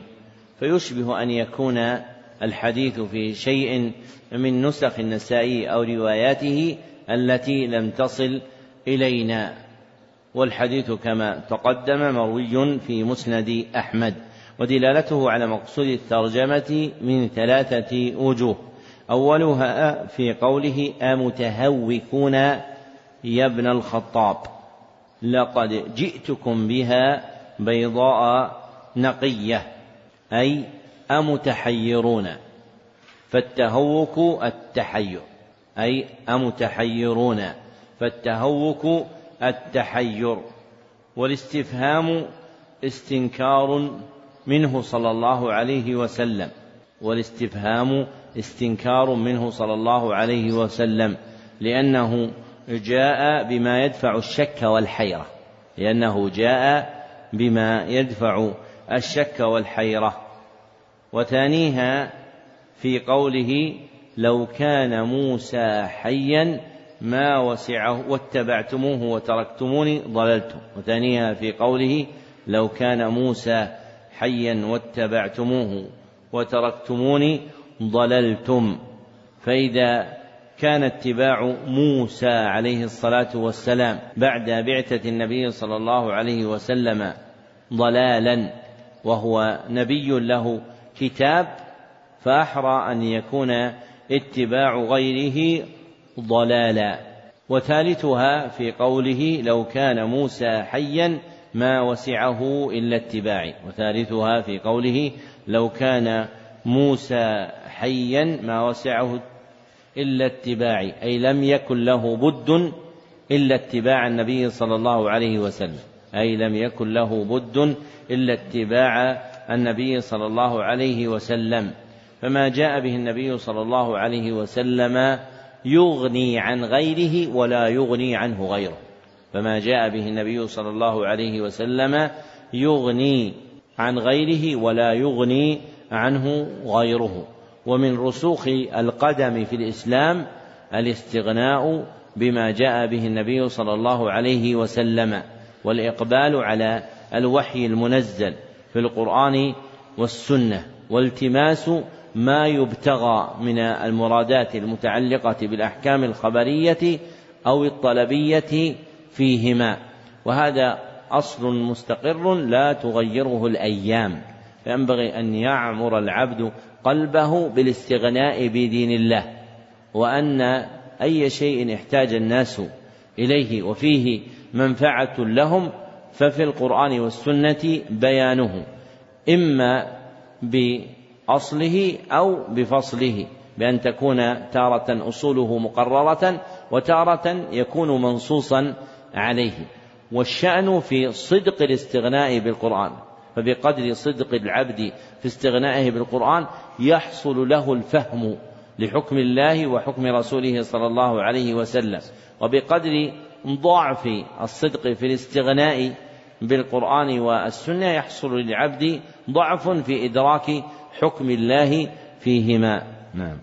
أحسن الله إليكم. قال رحمه الله باب ما جاء في الخروج عن دعوى الإسلام. مقصود الترجمة بيان حكم الخروج عن الإسلام بالانتساب إلى غيره. بيان حكم الخروج عن الإسلام بالانتساب إلى غيره. ودعوى الإسلام هي الأسماء الدينية التي جعلت له ولأهله.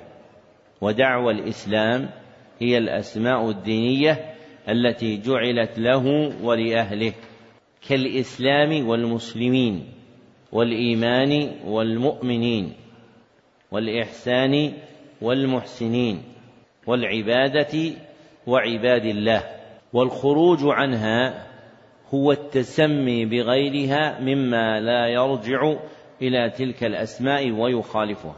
والخروج عنها هو التسمي بغيرها مما لا يرجع إلى تلك الأسماء ويخالفها. والأسماء الدينية المأمور بها نوعان. والأسماء الدينية المأمور بها نوعان. أحدهما أسماء شرعية أصلية.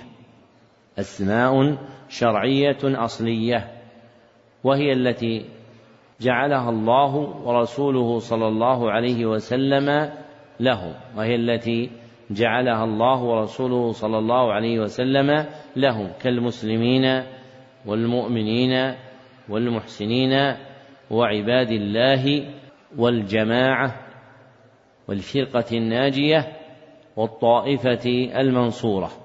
والآخر أسماء شرعية تابعة.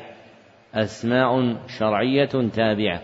وهي الأسماء التي جعلت شعارا لأهل الحق مقابلة لأهل الباطل. وهي الأسماء التي جعلت شعارا لأهل الحق مقابلة لأهل الباطل.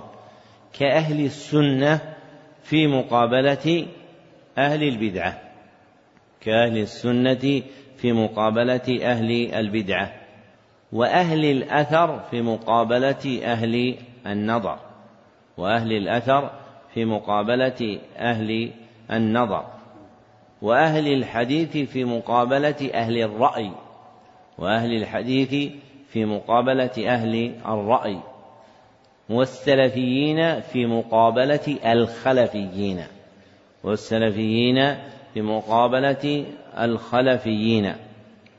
فهذا النوع لم يرد شيء منه في القرآن ولا في السنة. فهذا النوع لم يرد شيء منه في القرآن ولا في السنة. ولكنه وقع اسما لأهل الحق مقابلة لأهل الباطل. وقع اسما لأهل الحق مقابلة لأهل الباطل. فلم ينشأ ابتداء وإنما نشأ على وجه المقابل فلم ينشأ ابتداء وإنما نشأ على وجه المقابلة. نعم. أحسن الله إليكم. قال رحمه الله وقول الله تعالى هو سماكم المسلمين من قبل وفي هذا الآية. عن الحارث الأشعري رضي الله عنه عن النبي صلى الله عليه وسلم أنه قال آمركم بخمس الله أمرني بهن السمع والطاعة والجهاد والهجرة والجماعة. فإنه من فارق الجماعة قيد شبر فقد خلع ربقة الإسلام من عنقه إلا أن يراجع. ومن دعا بدعوى الجاهلية فإنه من جثى جهنم. فقال رجل يا رسول الله وإن صلى وصام. قال وإن صلى وصام فادعوا بدعوى الله الذي سماكم. المسلمين والمؤمنين عباد الله. رواه أحمد والترمذي وقال حديث حسن صحيح. وفي الصحيح من فارق الجماعة شبرا فمات فميتته جاهلية. وفيه أبي دعوى الجاهلية وأنا بين أظهركم. قال أبو العباس رحمه الله تعالى كل ما خرج عن دعوى الإسلام والقرآن من نسب أو بلد أو جنس أو مذهب أو طريقة فهو من عزاء الجاهلية.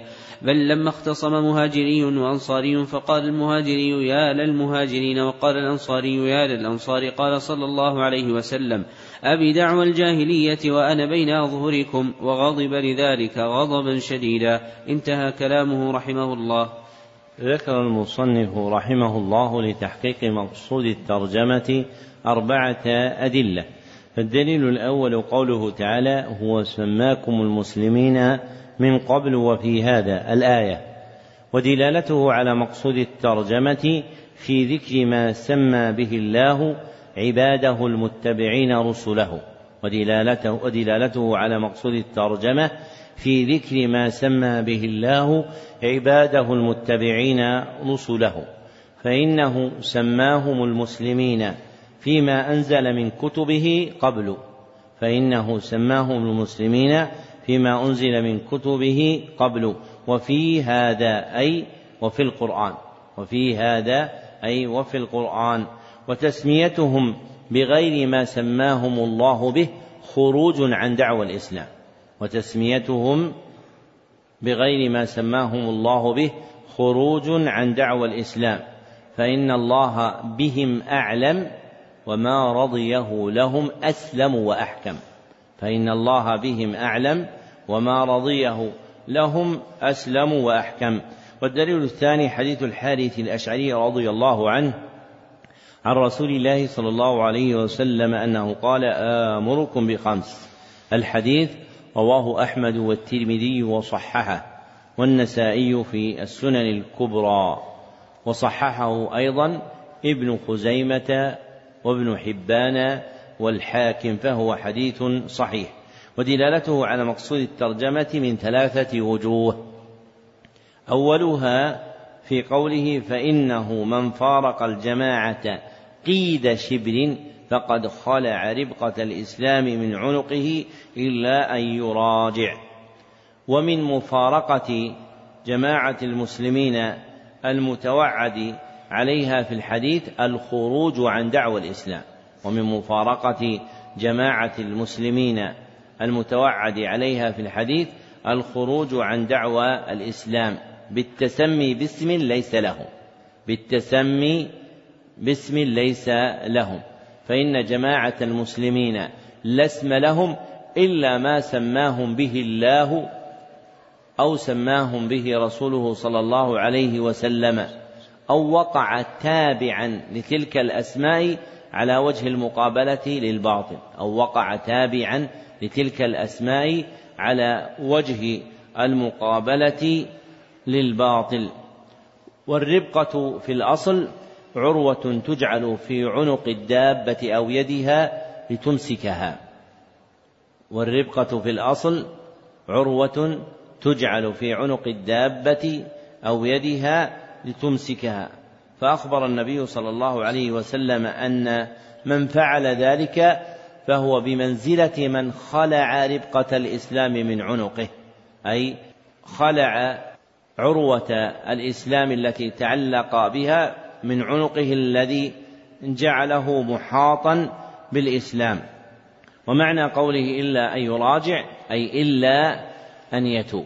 ومعنى قوله إلا أن يراجع أي إلا أن يتوب وينزع عن قوله. وثانيها في قوله ومن دعا بدعوى الجاهلية فإنه من جثى جهنم وثانيها في قوله ومن دعا بدعوى الجاهلية فإنه من جثى جهنم. ومن دعوى الجاهلية الخروج عن دعوى الإسلام. ومن دعوى الجاهلية الخروج عن دعوى الإسلام. والوعيد المذكور يدل على تحريمها أشد التحريم. والدليل المذكور والحديث المذكور يدل على تحريمها أشد التحريم. لما فيه من الوعيد الشديد من ثلاث جهات. لما فيه من الوعيد الشديد من ثلاث جهات. الجهة الأولى نسبتها إلى الجاهلية. نسبتها إلى الجاهلية. وكل منسوب إليها فهو حرام. وكل منسوب إليها فهو حرام. والجهة الثانية الوعيد عليها بجهنم. والجهة الثانية الوعيد عليها بجهنم. والجهة الثالثة ذكر عدم انتفاع العبد بصلاته وصيامه إذا دعا إلى دعوى الجاهلية. ذكر عدم انتفاع العبد بصلاته وصيامه إذا دعا بدعوى الجاهلية. ومعنى جثى جهنم جماعاتها. ومعنى جثى جهنم جماعاتها. فهو جمع جثوة. فهو جمع جثوة. بكسر الجيم وضمها وفتحها. بكسر الجيم وضمها وفتحها. فيقال جثوة وجثوة وجثوة. وهي الحجارة المجموعة. وهي الحجارة المجموعة. أي المركوم بعضها فوق بعض. أي المركوم بعضها فوق بعض. ووقع في رواية من جثي جهنم. وقع في رواية من جثي جهنم والجثي جمع جاث والجثي جمع جاث والجاثي من الناس هو المنتصب على ركبتيه وقوفا والجاثي من الناس هو المنتصب على ركبتيه وقوفا فإذا نهض العبد وصار قائما على ركبتيه بدل قدميه فإنه يسمى جاثيا. وثالثها في قوله فادعوا بدعوى الإسلام الذي سماكم المسلمين والمؤمنين عباد الله. وفيه الأمر بلزوم دعوى الله من الأسماء التي سمى بها عباده كالمسلمين والمؤمنين وعباد الله. والأمر للإيجاب. وهو يستلزم النهي عن ضده والأمر للإيجاب وهو يستلزم الأمر عن ضده. فالأسماء التي لم يسمهم بها الله ولا رسوله صلى الله عليه وسلم ولا وقعت تابعة لتلك الأسماء فإنه منهي عنها. والدليل الثالث حديث من فارق الجماعة شبرا الحديث متفق عليه من حديث ابن عباس رضي الله عنهما. ودلالته على مقصود الترجمة ما سبق ذكره من كون الخروج عن دعوى الإسلام من دعوى الجاهلية من كون الخروج عن دعوى الإسلام من دعوى الجاهلية المباينة لها. ووعيد من مات على ذلك أنه يموت ميتة جاهلية دليل على تحريم ذلك. والوعيد بأن من كان كذلك يموت ميتة جاهلية دليل على تحريم ذلك. والدليل الرابع حديث أبي دعوى الجاهلية وأنا بين أظهركم. رواه بهذا اللفظ ابن جرير في تفسيره من حديث زيد بن أسلم مرسلا. رواه بهذا اللفظ ابن جرير في تفسيره من حديث زيد بن أسلم مرسلا وفيه قصة وإسناده ضعيف. وفيه قصة وإسناده ضعيف. والمعروف في الصحيحين ما بال دعوى الجاهلية. والمعروف في الصحيحين ما بال دعوى الجاهلية. أخرجاه من حديث جابر رضي الله عنه في قصة اختصام المهاجري والأنصاري. أخرجاه في الصحيحين في قصة اختصام الأنصاري والمهاجري وأن رجلا من الأنصار كسع رجلا وأن رجلا من المهاجرين كسع رجلا من الأنصار أي ضربه على مؤخرته فصاح الأنصاري يا للأنصار وصاح المهاجري يا للمهاجرين فغضب النبي صلى الله عليه وسلم وقال ما بال دعوى الجاهلية وليس عندهما وأنا بين أظهركم. وليس عندهما وأنا بين أظهركم.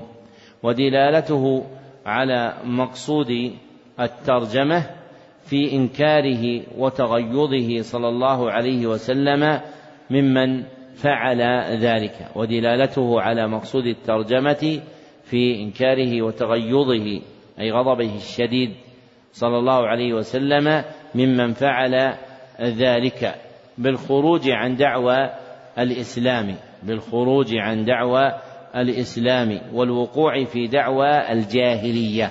ووجه دعوى الجاهلية في الحديث أن الأنصاري عقد ولاءه على الأنصار وتبرأ من غيرهم. ووجه دعوى الجاهلية في الحديث أن الأنصاري عقد ولاءه على الأنصار وتبرأ من غيرهم وأن المهاجري عقد ولاءه على المهاجرين وتبرأ من غيرهم وأن المهاجري عقد ولاءه على المهاجرين وتبرأ من غيرهم وهذا من دعوى الجاهلية لما فيه من انحياز أهل الإسلام الحق بعضهم عن بعض لما فيه من انحياز أهل الإسلام الحق بعضهم من بعض مع بعضهم عن بعض. فأنكر النبي صلى الله عليه وسلم مقالتهم وجعلها من دعوى الجاهلية. ثم ذكر المصنف كلام ابن تيمية الحفيد في بيان حقيقة دعوى الجاهلية وهي ترجع إلى الانتساب إلى خلاف ما جاء به النبي صلى الله عليه وسلم. فمن انتسب فمن انتسب إلى شيء خلاف ما جاء النبي صلى الله عليه وسلم به من اعتقاد أو فعل أو قول فإنه من دعوى الجاهلية المحرمة شرعا. والواجب على العبد أن يستغني بالأسماء الدينية التي جعلها الله ورسوله صلى الله عليه وسلم للإسلام وأهله ويلحق بها ما كان تابعا. لها شعارا لأهل الحق في مقابلة أهل الباطل وما عدا ذلك من الأسماء المحدثة التي لا ترجع إلى أصل معتمد في الشريعة فإنه لا يجوز له أن ينتسب إليها. ومن الغلط توهم أن الأسماء المحدثة التي يضعها الناس في قرون الأمة لأنفسهم لبعض المسلمين دون بعض أنها من جنس الانتساب إلى المذاهب المتبوعة كالحنفية والمالكية والشافعية والحنابلة وهذا غلط. فإن النسبة الواقعة في ترجمة عالم ما أنه الحنفي أو المالكي أو الشافعي أو الحنبلي ليست من هذا الباب. وإنما هي من النسبة إلى العلوم. وإنما هي من النسبة إلى العلوم. كقولهم في ترجمة أحد النحوي أو اللغوي. نسبة إلى علم النحو أو نسبة إلى علم اللغة. فالنسب الفقهية هي نسب علمية إلى فقه متبوع لإمام من الأئمة المعظمين. نعم. أحسن الله إليكم. قال رحمه الله تعالى باب وجوب الدخول في الإسلام كله وترك ما سواه. مقصود الترجمة بيان وجوب الدخول في الإسلام كله. مقصود الترجمة بيان وجوب الدخول في الإسلام كله بالتزام جميع أحكامه لا بعضها دون بعض بالتزام جميع أحكامه لا بعضها دون بعض. والوجوب كما تقدم هو مقتضى حكم الشرع بالإيجاب. والوجوب كما تقدم هو مقتضى حكم الشرع بالإيجاب أي الأمر الناشئ عنه المرتب عليه. والتأكيد بقوله كله للتفريق بين هذه الترجمة والترجمة المتقدمة باب وجوب الإسلام. والتأكيد بقوله كله للتفريق بين هذه الترجمة والترجمة المتقدمة باب وجوب الإسلام. فإن تلك الترجمة في الدخول المجمل وهذه الترجمة في الدخول المفصل. فإن تلك الترجمة في الدخول المجمل وهذه الترجمة في الدخول المفصل. وقوله وترك ما سواه هو في معنى الجملة الأولى وقوله وترك ما سواه هو في معنى الجملة الأولى. فالعبد لا يدخل فيه حتى يترك ما سواه. فالعبد لا يدخل فيه حتى يترك ما سواه. وجمع بينهما المصنف تأكيدا. وجمع المصنف بينهما تأكيدا. والفرق بينهما أن الجملة الأولى في الاتصاف والتحلية والفرق بينهما أن الجملة الأولى في الاتصاف والتحلية والجملة الثانية في الاجتناب والتخلية والجملة الثانية في الاجتناب والتخلية. فالعبد يطلب منه أن يتصف بالإسلام متحليا به وأن يترك غيره متعلقا وأن يترك غيره مجتنبا له. نعم.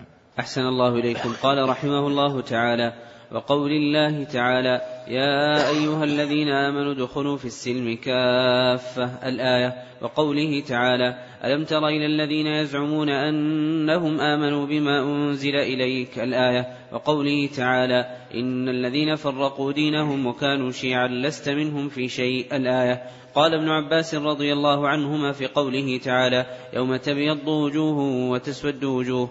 قال تبيض وجوه أهل السنة والائتلاف وتسود وجوه أهل البدع والاختلاف. وعن عبد الله بن عمر رضي الله عنهما أنه قال قال رسول الله صلى الله عليه وسلم ليأتين على أمتي ما أتى على بني إسرائيل حذو النعل بالنعل حتى إن كان فيهم من أتى أمه علانية. كان في أمتي من يصنع ذلك.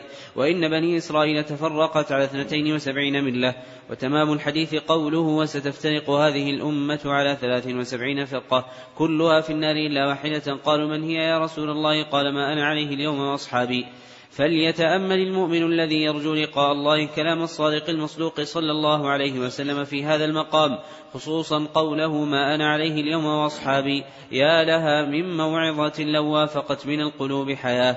رواه الترمذي ورواه أيضا من حديث أبي هريرة وصححه ولكن ليس فيه ذكر النار.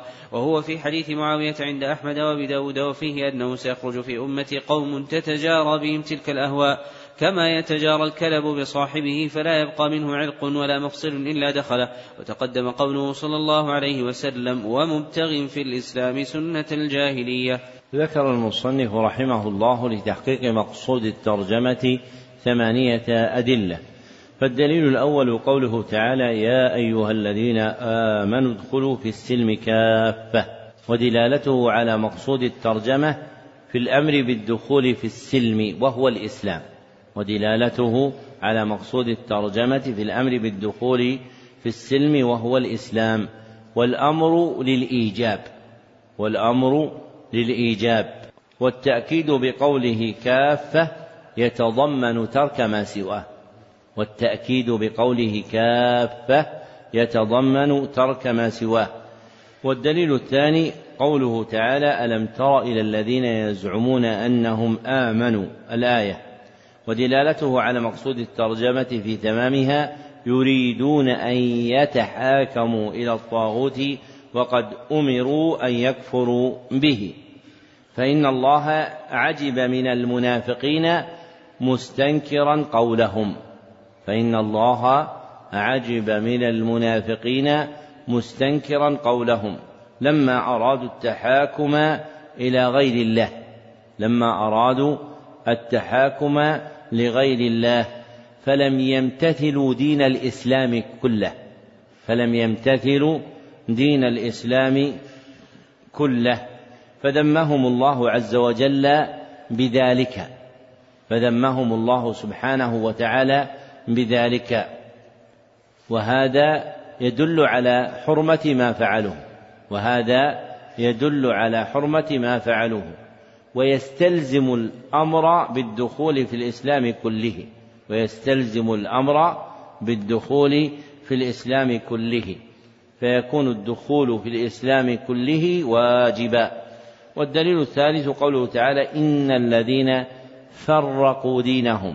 الآية ودلالته على مقصود الترجمة في كون تفريق الدين ليس من طريقة سيد المرسلين صلى الله عليه وسلم ودلالته في كون تفريق الدين ليس من طريقة سيد المرسلين صلى الله عليه وسلم. فقد برأه الله سبحانه وتعالى من ذلك ومنهم فقال لست منهم في شيء. وبراءته صلى الله عليه وسلم منهم تدل على تحريم تفريق الدين. ولا ينجو العبد من تفريق الدين إلا بالدخول في الإسلام كله. ولا ينجو العبد من تفريق الدين إلا بالدخول في الإسلام كله. وتفريق الدين نوعان. وتفريق الدين نوعان. أحدهما الإيمان أحدهما التفريق الأكبر. أحدهما التفريق الأكبر. وهو الإيمان ببعضه والكفر ببعضه. وهو الإيمان ببعضه والكفر ببعضه ويخرج به العبد من الإسلام ويخرج به العبد من الإسلام كمن آمن بالصلاة وكفر بالزكاة كمن آمن بالصلاة وكفر بالزكاة أو آمن بالصيام وكفر بالحج أو آمن بالصيام وكفر بالحج. والآخر التفريق الأصغر والآخر التفريق الأصغر وهو تعظيم بعض الإسلام دون بعض وهو تعظيم بعض الإسلام دون بعض بداعي الرأي والهوى لا بداعي الدين والهدى. بداعي الرأي والهوى لا بداعي الدين والهدى. ولا يخرج به العبد من الإسلام ولا يخرج به العبد من الإسلام وهو محرم أشد التحريم وهو محرم أشد التحريم لأننا أمرنا شرعا بأن ننزل أحكام الله منازلها بأن لأننا أمرنا شرعا بأن ننزل أحكام الله منازلها وفق ما دلت عليه الدلائل الشرعية. وفق ما دلت عليه الدلائل الشرعية. والدليل الرابع قوله تعالى يوم تبيض وجوه وتسود وجوه. وذكر فيه المصنف تفسير ابن عباس رضي الله عنهما أنه قال تبيض وجوه أهل السنة وجوه أهل السنة والائتلاف وتسود وجوه أهل البدع والاختلاف. أخرجه ابن أبي حاتم في تفسيره واللالكائي في شرح أصول اعتقاد أهل السنة والجماعة وإسناده ضعيف ومعناه صحيح وصحة المعنى من مآخذ المسامحة في أسانيد التفسير وصحة المعنى من مآخذ المسامحة في أسانيد التفسير. فتجد أهل العلم يخرجون في تفاسيرهم ما لا يثبت إسنادا لصحة معناه. إذ المقصود من الإسناد أن يوصل إلى معنى صحيح. المقصود الإسناد أن يوصل إلى معنى صحيح. فإذا عرف كونه صحيحا بطريق آخر صار الإسناد زينة له. فيتسامحون في ذكر أشياء من الموقوفات والمقطوعات لا تصح أسانيدها لثبوت معانيها. وفي السنة الثابتة ما يغني عنه ويدل على صحته. فقد روى أحمد في مسنده من حديث أبي غالب عن أبي أمامة رضي الله عنه أنه رأى رؤوسا منصوبة على درج مسجد دمشق أي مقطوعة قد جعلت على درج المسجد. فقال رضي الله عنه كلاب النار كلاب النار شر قتلى تحت أديم السماء. وكانت هذه الرؤوس رؤوس الخوارج من أهل البدع. ثم قرأ الآية المذكورة يوم تبيض وجوه وتسود وجوه. فقال أبو غالب أسمعته من رسول الله صلى الله عليه وسلم؟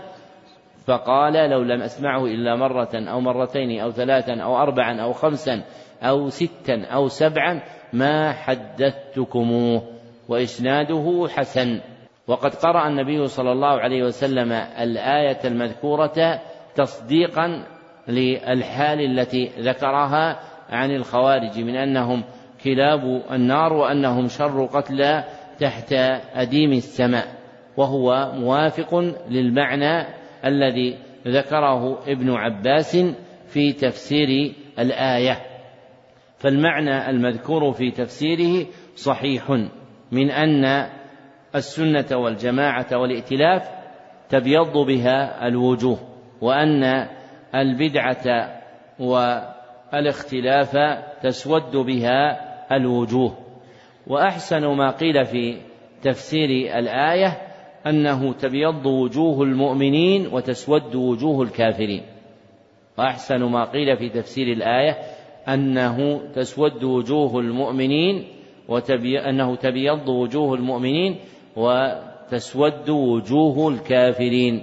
وهو مروي عن أبي بن كعب عند ابن جرير بإسناده حسن واختاره ابن جرير وغيره واختاره ابن جرير وغيره. ومن جملة شعار المسلمين السنة والجماعة. ومن جملة شعار المسلمين السنة والجماعة. ومن جملة شعار الكافرين الفرقة والاختلاف. فدلالته على مقصود الترجمة أن تبييض الوجوه يوم القيامة لا يكون إلا على امتثال مأمور به أو ترك محرم منهي عنه. فدلالته على مقصود الترجمة في كون تبييض الوجوه يوم القيامة لا يكون إلا على امتثال مأمور به أو ترك محرم منهي عنه وتسويدها في مقابل ذلك وتسويدها في مقابل ذلك. فمن الواجبات التي يبيض التزامها الوجه الالتزام بدين الإسلام. فمن الواجبات التي يبيض التزامها الوجه الالتزام بدين الإسلام والدخول فيه كله والدخول فيه كله وشعاره السنة والجماعة والائتلاف وشعاره السنة والجماعة والائتلاف.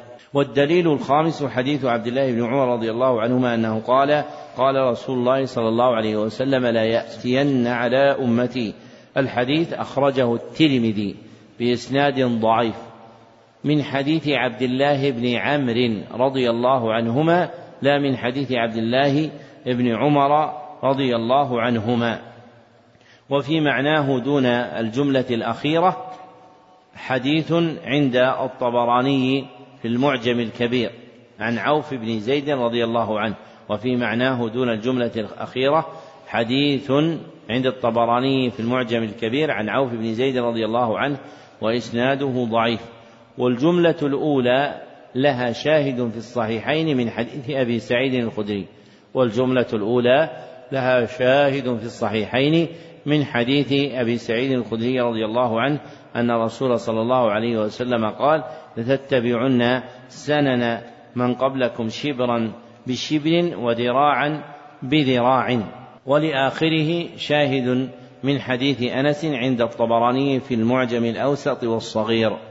ولآخره شاهد من حديث أنس عند الطبراني في المعجم الأوسط والصغير ولا يصح إسناده.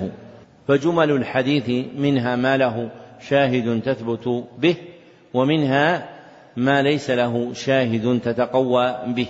وأصحها الجملة الأولى لثبوت شاهدها في الصحيحين كما تقدم. ودلالته على مقصود الترجمة من وجهين. أحدهما في ذكر الافتراق ذما له بالوعيد عليه. في ذكر الافتراق ذما له بالوعيد عليه. والوعيد المذكور يدل على حرمته. والوعيد المذكور يدل على حرمته. فالافتراء فتفريق الدين فالافتراق محرم. فالافتراق محرم. وموجبه كما تقدم تفريق الدين. وموجبه كما تقدم تفريق الدين بأخذ بعضه وترك بعضه. فلا يسلم العبد من الافتراق إلا بالدخول في الإسلام كله. ولا يسلم العبد من الافتراق إلا بالدخول في الإسلام كله فيكون واجبا عليه. والآخر ذكر أن الناجي هو الباقي على ما كان عليه النبي صلى الله عليه وسلم وأصحابه رضي الله عنهما عنهم. والآخر في ذكر أن الناجي هو الباقي على ما كان عليه النبي صلى الله عليه وسلم وأصحابه رضي الله عنهم. والذي كانوا عليه هو الإسلام كله. والذي كانوا عليه هو الإسلام كله. فالأخذ بالإسلام كله واجب لتوقف النجاة عليه. فالأخذ بالإسلام كله واجب لتوقف النجاة عليه. والدليل السادس حديث أبي هريرة رضي الله عنه بمعنى حديث ابن عمرو ولفظه افترقت اليهود على إحدى أو قال اثنتين وسبعين فرقة. الحديث أخرجه أصحاب السنن سوى النسائي وإسناده حسن. ودلالته على مقصود الترجمة في ذكر افتراق هذه الأمة ودلالته على مقصود الترجمة في ذكر افتراق هذه الأمة. الناشئ من تفريقها الدين الناشئ من تفريقها الدين. ولا يسلم العبد من ذلك إلا بالدخول في الإسلام ولا يسلم العبد من ذلك إلا بالدخول في الإسلام كله. فيكون دخوله في الإسلام كله واجبا لتوقف النجاة من الافتراق على ذلك. لتوقف النجاة من الافتراق على ذلك. والدليل السابع حديث معاوية رضي الله عنه وفيه وإنه سيخرج في أمتي قوم تتجارى بهم الأهواء. الحديث رواه أبو داود وإسناده حسن. والكلب المذكور في الحديث داء يصيب الإنسان والكلب المذكور في الحديث داء يصيب الإنسان من عضة كلب به مثل الجنون من عضة كلب به مثل الجنون فإذا عض الإنسان سرى هذا الداء من الكلب إلى الإنسان فصار مكلوبا به وقيل إنه مصاب بداء الكلب. ودلالته على مقصود الترجمة من ثلاثة وجوه.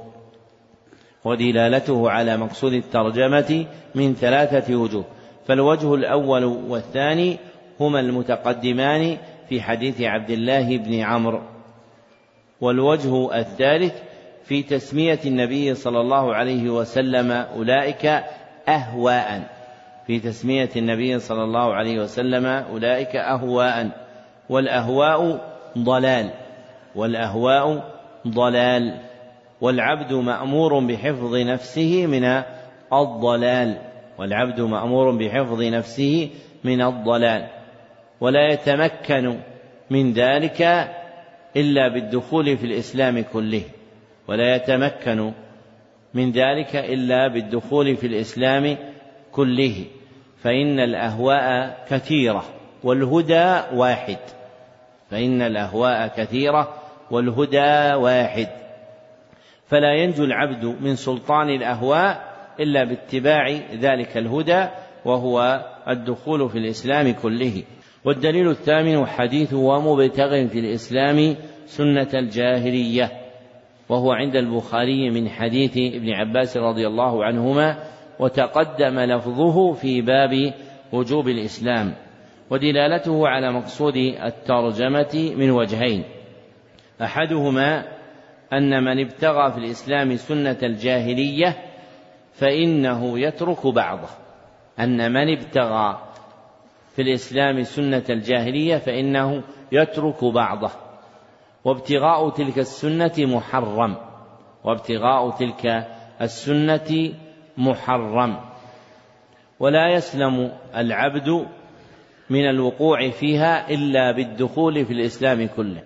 ولا يسلم العبد من الوقوع فيها إلا بالدخول في الإسلام كله فيكون واجبا.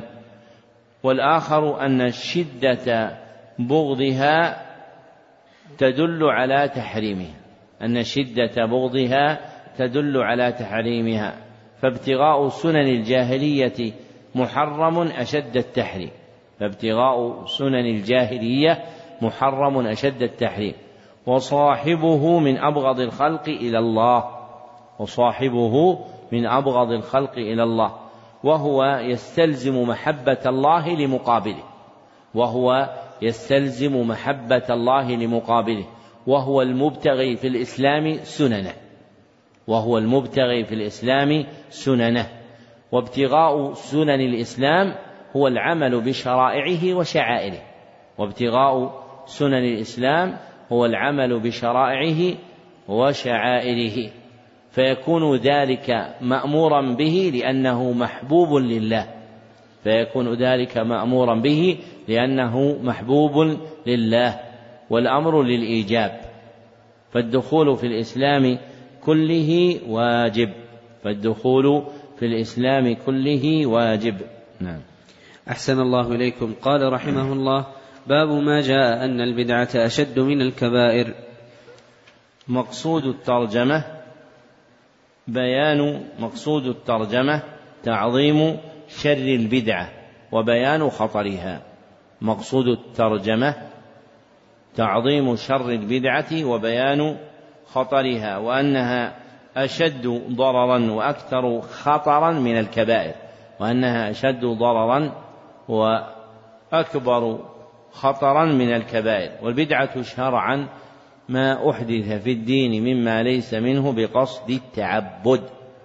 والبدعة شرعا ما أحدث في الدين مما ليس منه بقصد التعبد. والكبيرة شرعا ما نهي عنه على وجه التعظيم. والبدعة والكبيرة شرعا ما, ما نهي عنه على وجه التعظيم. أي النهي المقرون بما يعظمه. أي النهي المقرون بما يعظمه. كاللعن أو الطرد من رحمة الله أو التحريم على الجنة أو الخلود في النار. فيندرج فيها شرعا الكفر والشرك. فيندرج فيها شرعا الكفر والشرك والبدعة وما دونها. وخصت اصطلاحا بأنها ما نهي عنه على وجه التعظيم سوى الشرك والكفر والبدعة. وخصت اصطلاحا بأنها ما نهي عنه على وجه التعظيم سوى الكفر والشرك والبدعة. فللكبيرة معنيان. فللكبيرة معنيان. أحدهما معنى شرعي. أحدهما معنى شرعي. وهو ما نهي عنه على وجه التعظيم. وهو ما نهي عنه على وجه التعظيم. فيندرج فيها الشرك الشرك والكفر والبدعة وما دونها. والآخر اصطلاحي. وهو ما نهي عنه على وجه التعظيم سوى الكفر والشرك والبدعة ما نهي عنه على وجه التعظيم سوى الشرك والكفر والبدعة. والمراد من المعنيين هنا في الترجمة المعنى الاصطلاحي. والمراد من المعنيين هنا في الترجمة المعنى الاصطلاحي. فالبدع أشد من الكبائر وهي الذنوب التي نهي عنها نهي تعظيم ممن مما لا يبلغ الكفر والشرك. واشتد خطر البدع حتى فاقت الكبائر لأمرين.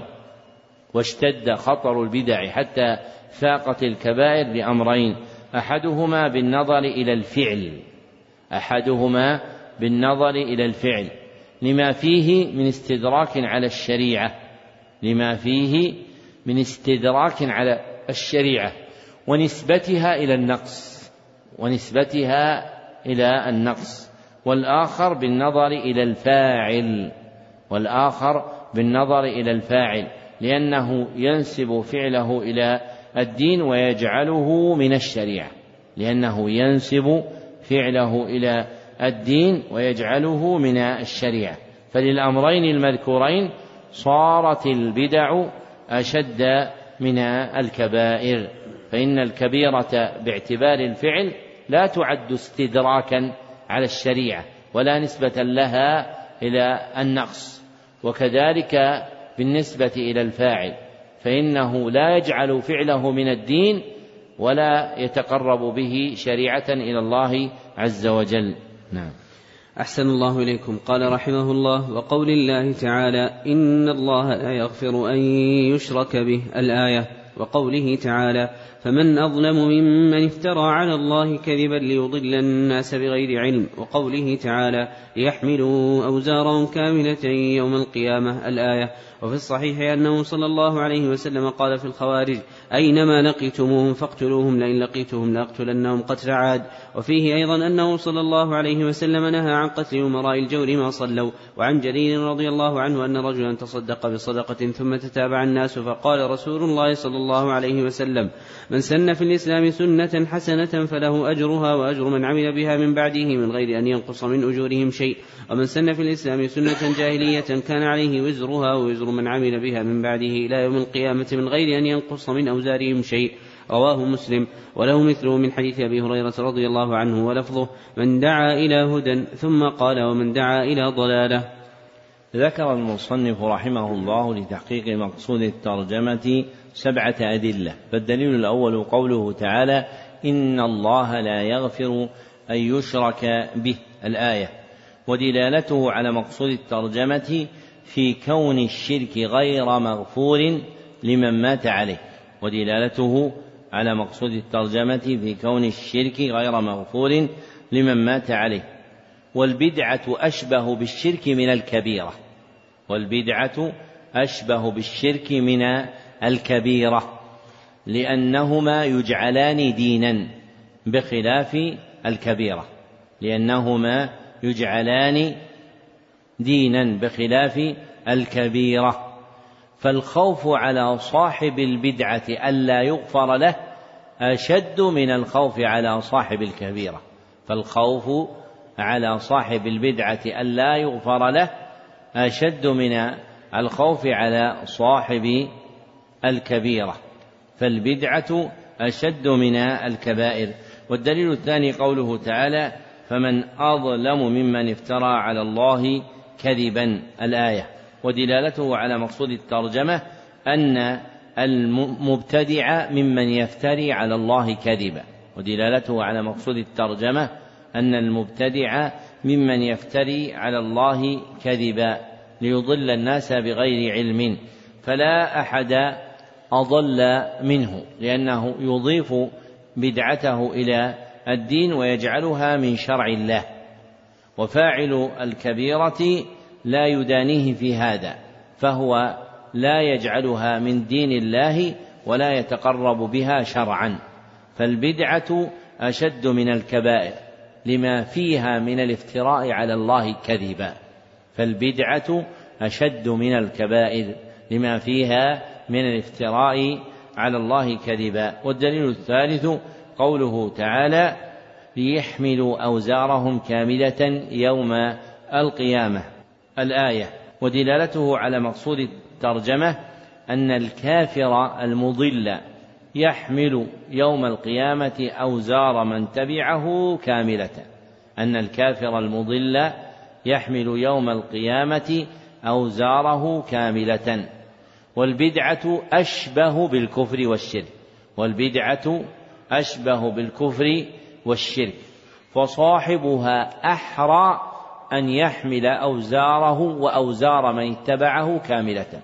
فصاحبها أحرى. أن يتبع أوزاره كاملة وأوزار من اتبعه.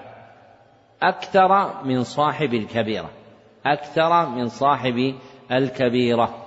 فإلحاقه بالكافر في هذا الجزاء فإلحاق صاحب البدعة بالكافر في هذا الجزاء أظهر. بما تقدم أن صاحب الشرك والكفر والبدعة يجعل كل واحد منهما ما يفعله دينا يتقرب به إلى الله سبحانه وتعالى بخلاف صاحب الكبيرة. والدليل الرابع حديث أنه صلى الله عليه وسلم قال في الخوارج أينما لقيتموهم فاقتلوهم. متفق عليه من حديث علي رضي الله عنه.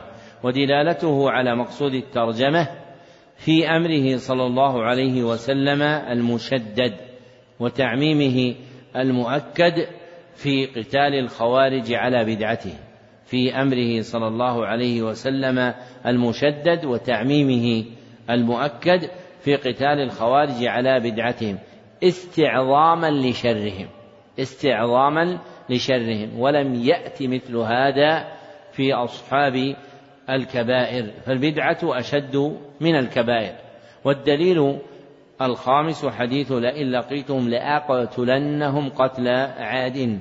متفق عليه من حديث أبي سعيد الخدري رضي الله عنه. ومعنى قتل عاد أي قتلا شديدا. ومعنى قتل عاد أي قتلا شديدا. يستأصل به شأفتهم ويقضي عليهم قضاء مبرما. ودلالته على مقصود الترجمة في عزمه صلى الله عليه وسلم الأكيد وحرصه الشديد على قتال الخوارج. في عزمه صلى الله عليه وسلم الشديد وحرصه الأكيد على قتال الخوارج. وهم فرقة من أهل البدع ولم يأتي مثل هذا في أصحاب الكبائر.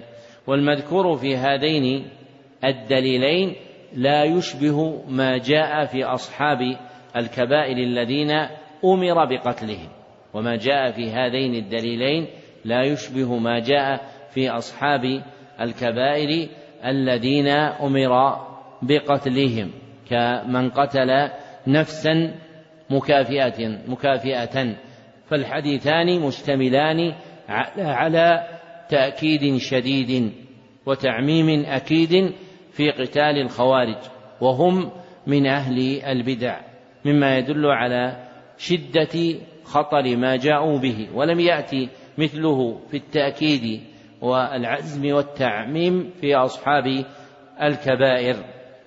وهذان الدليلان ساقهما المصنف في مساق دليل واحد.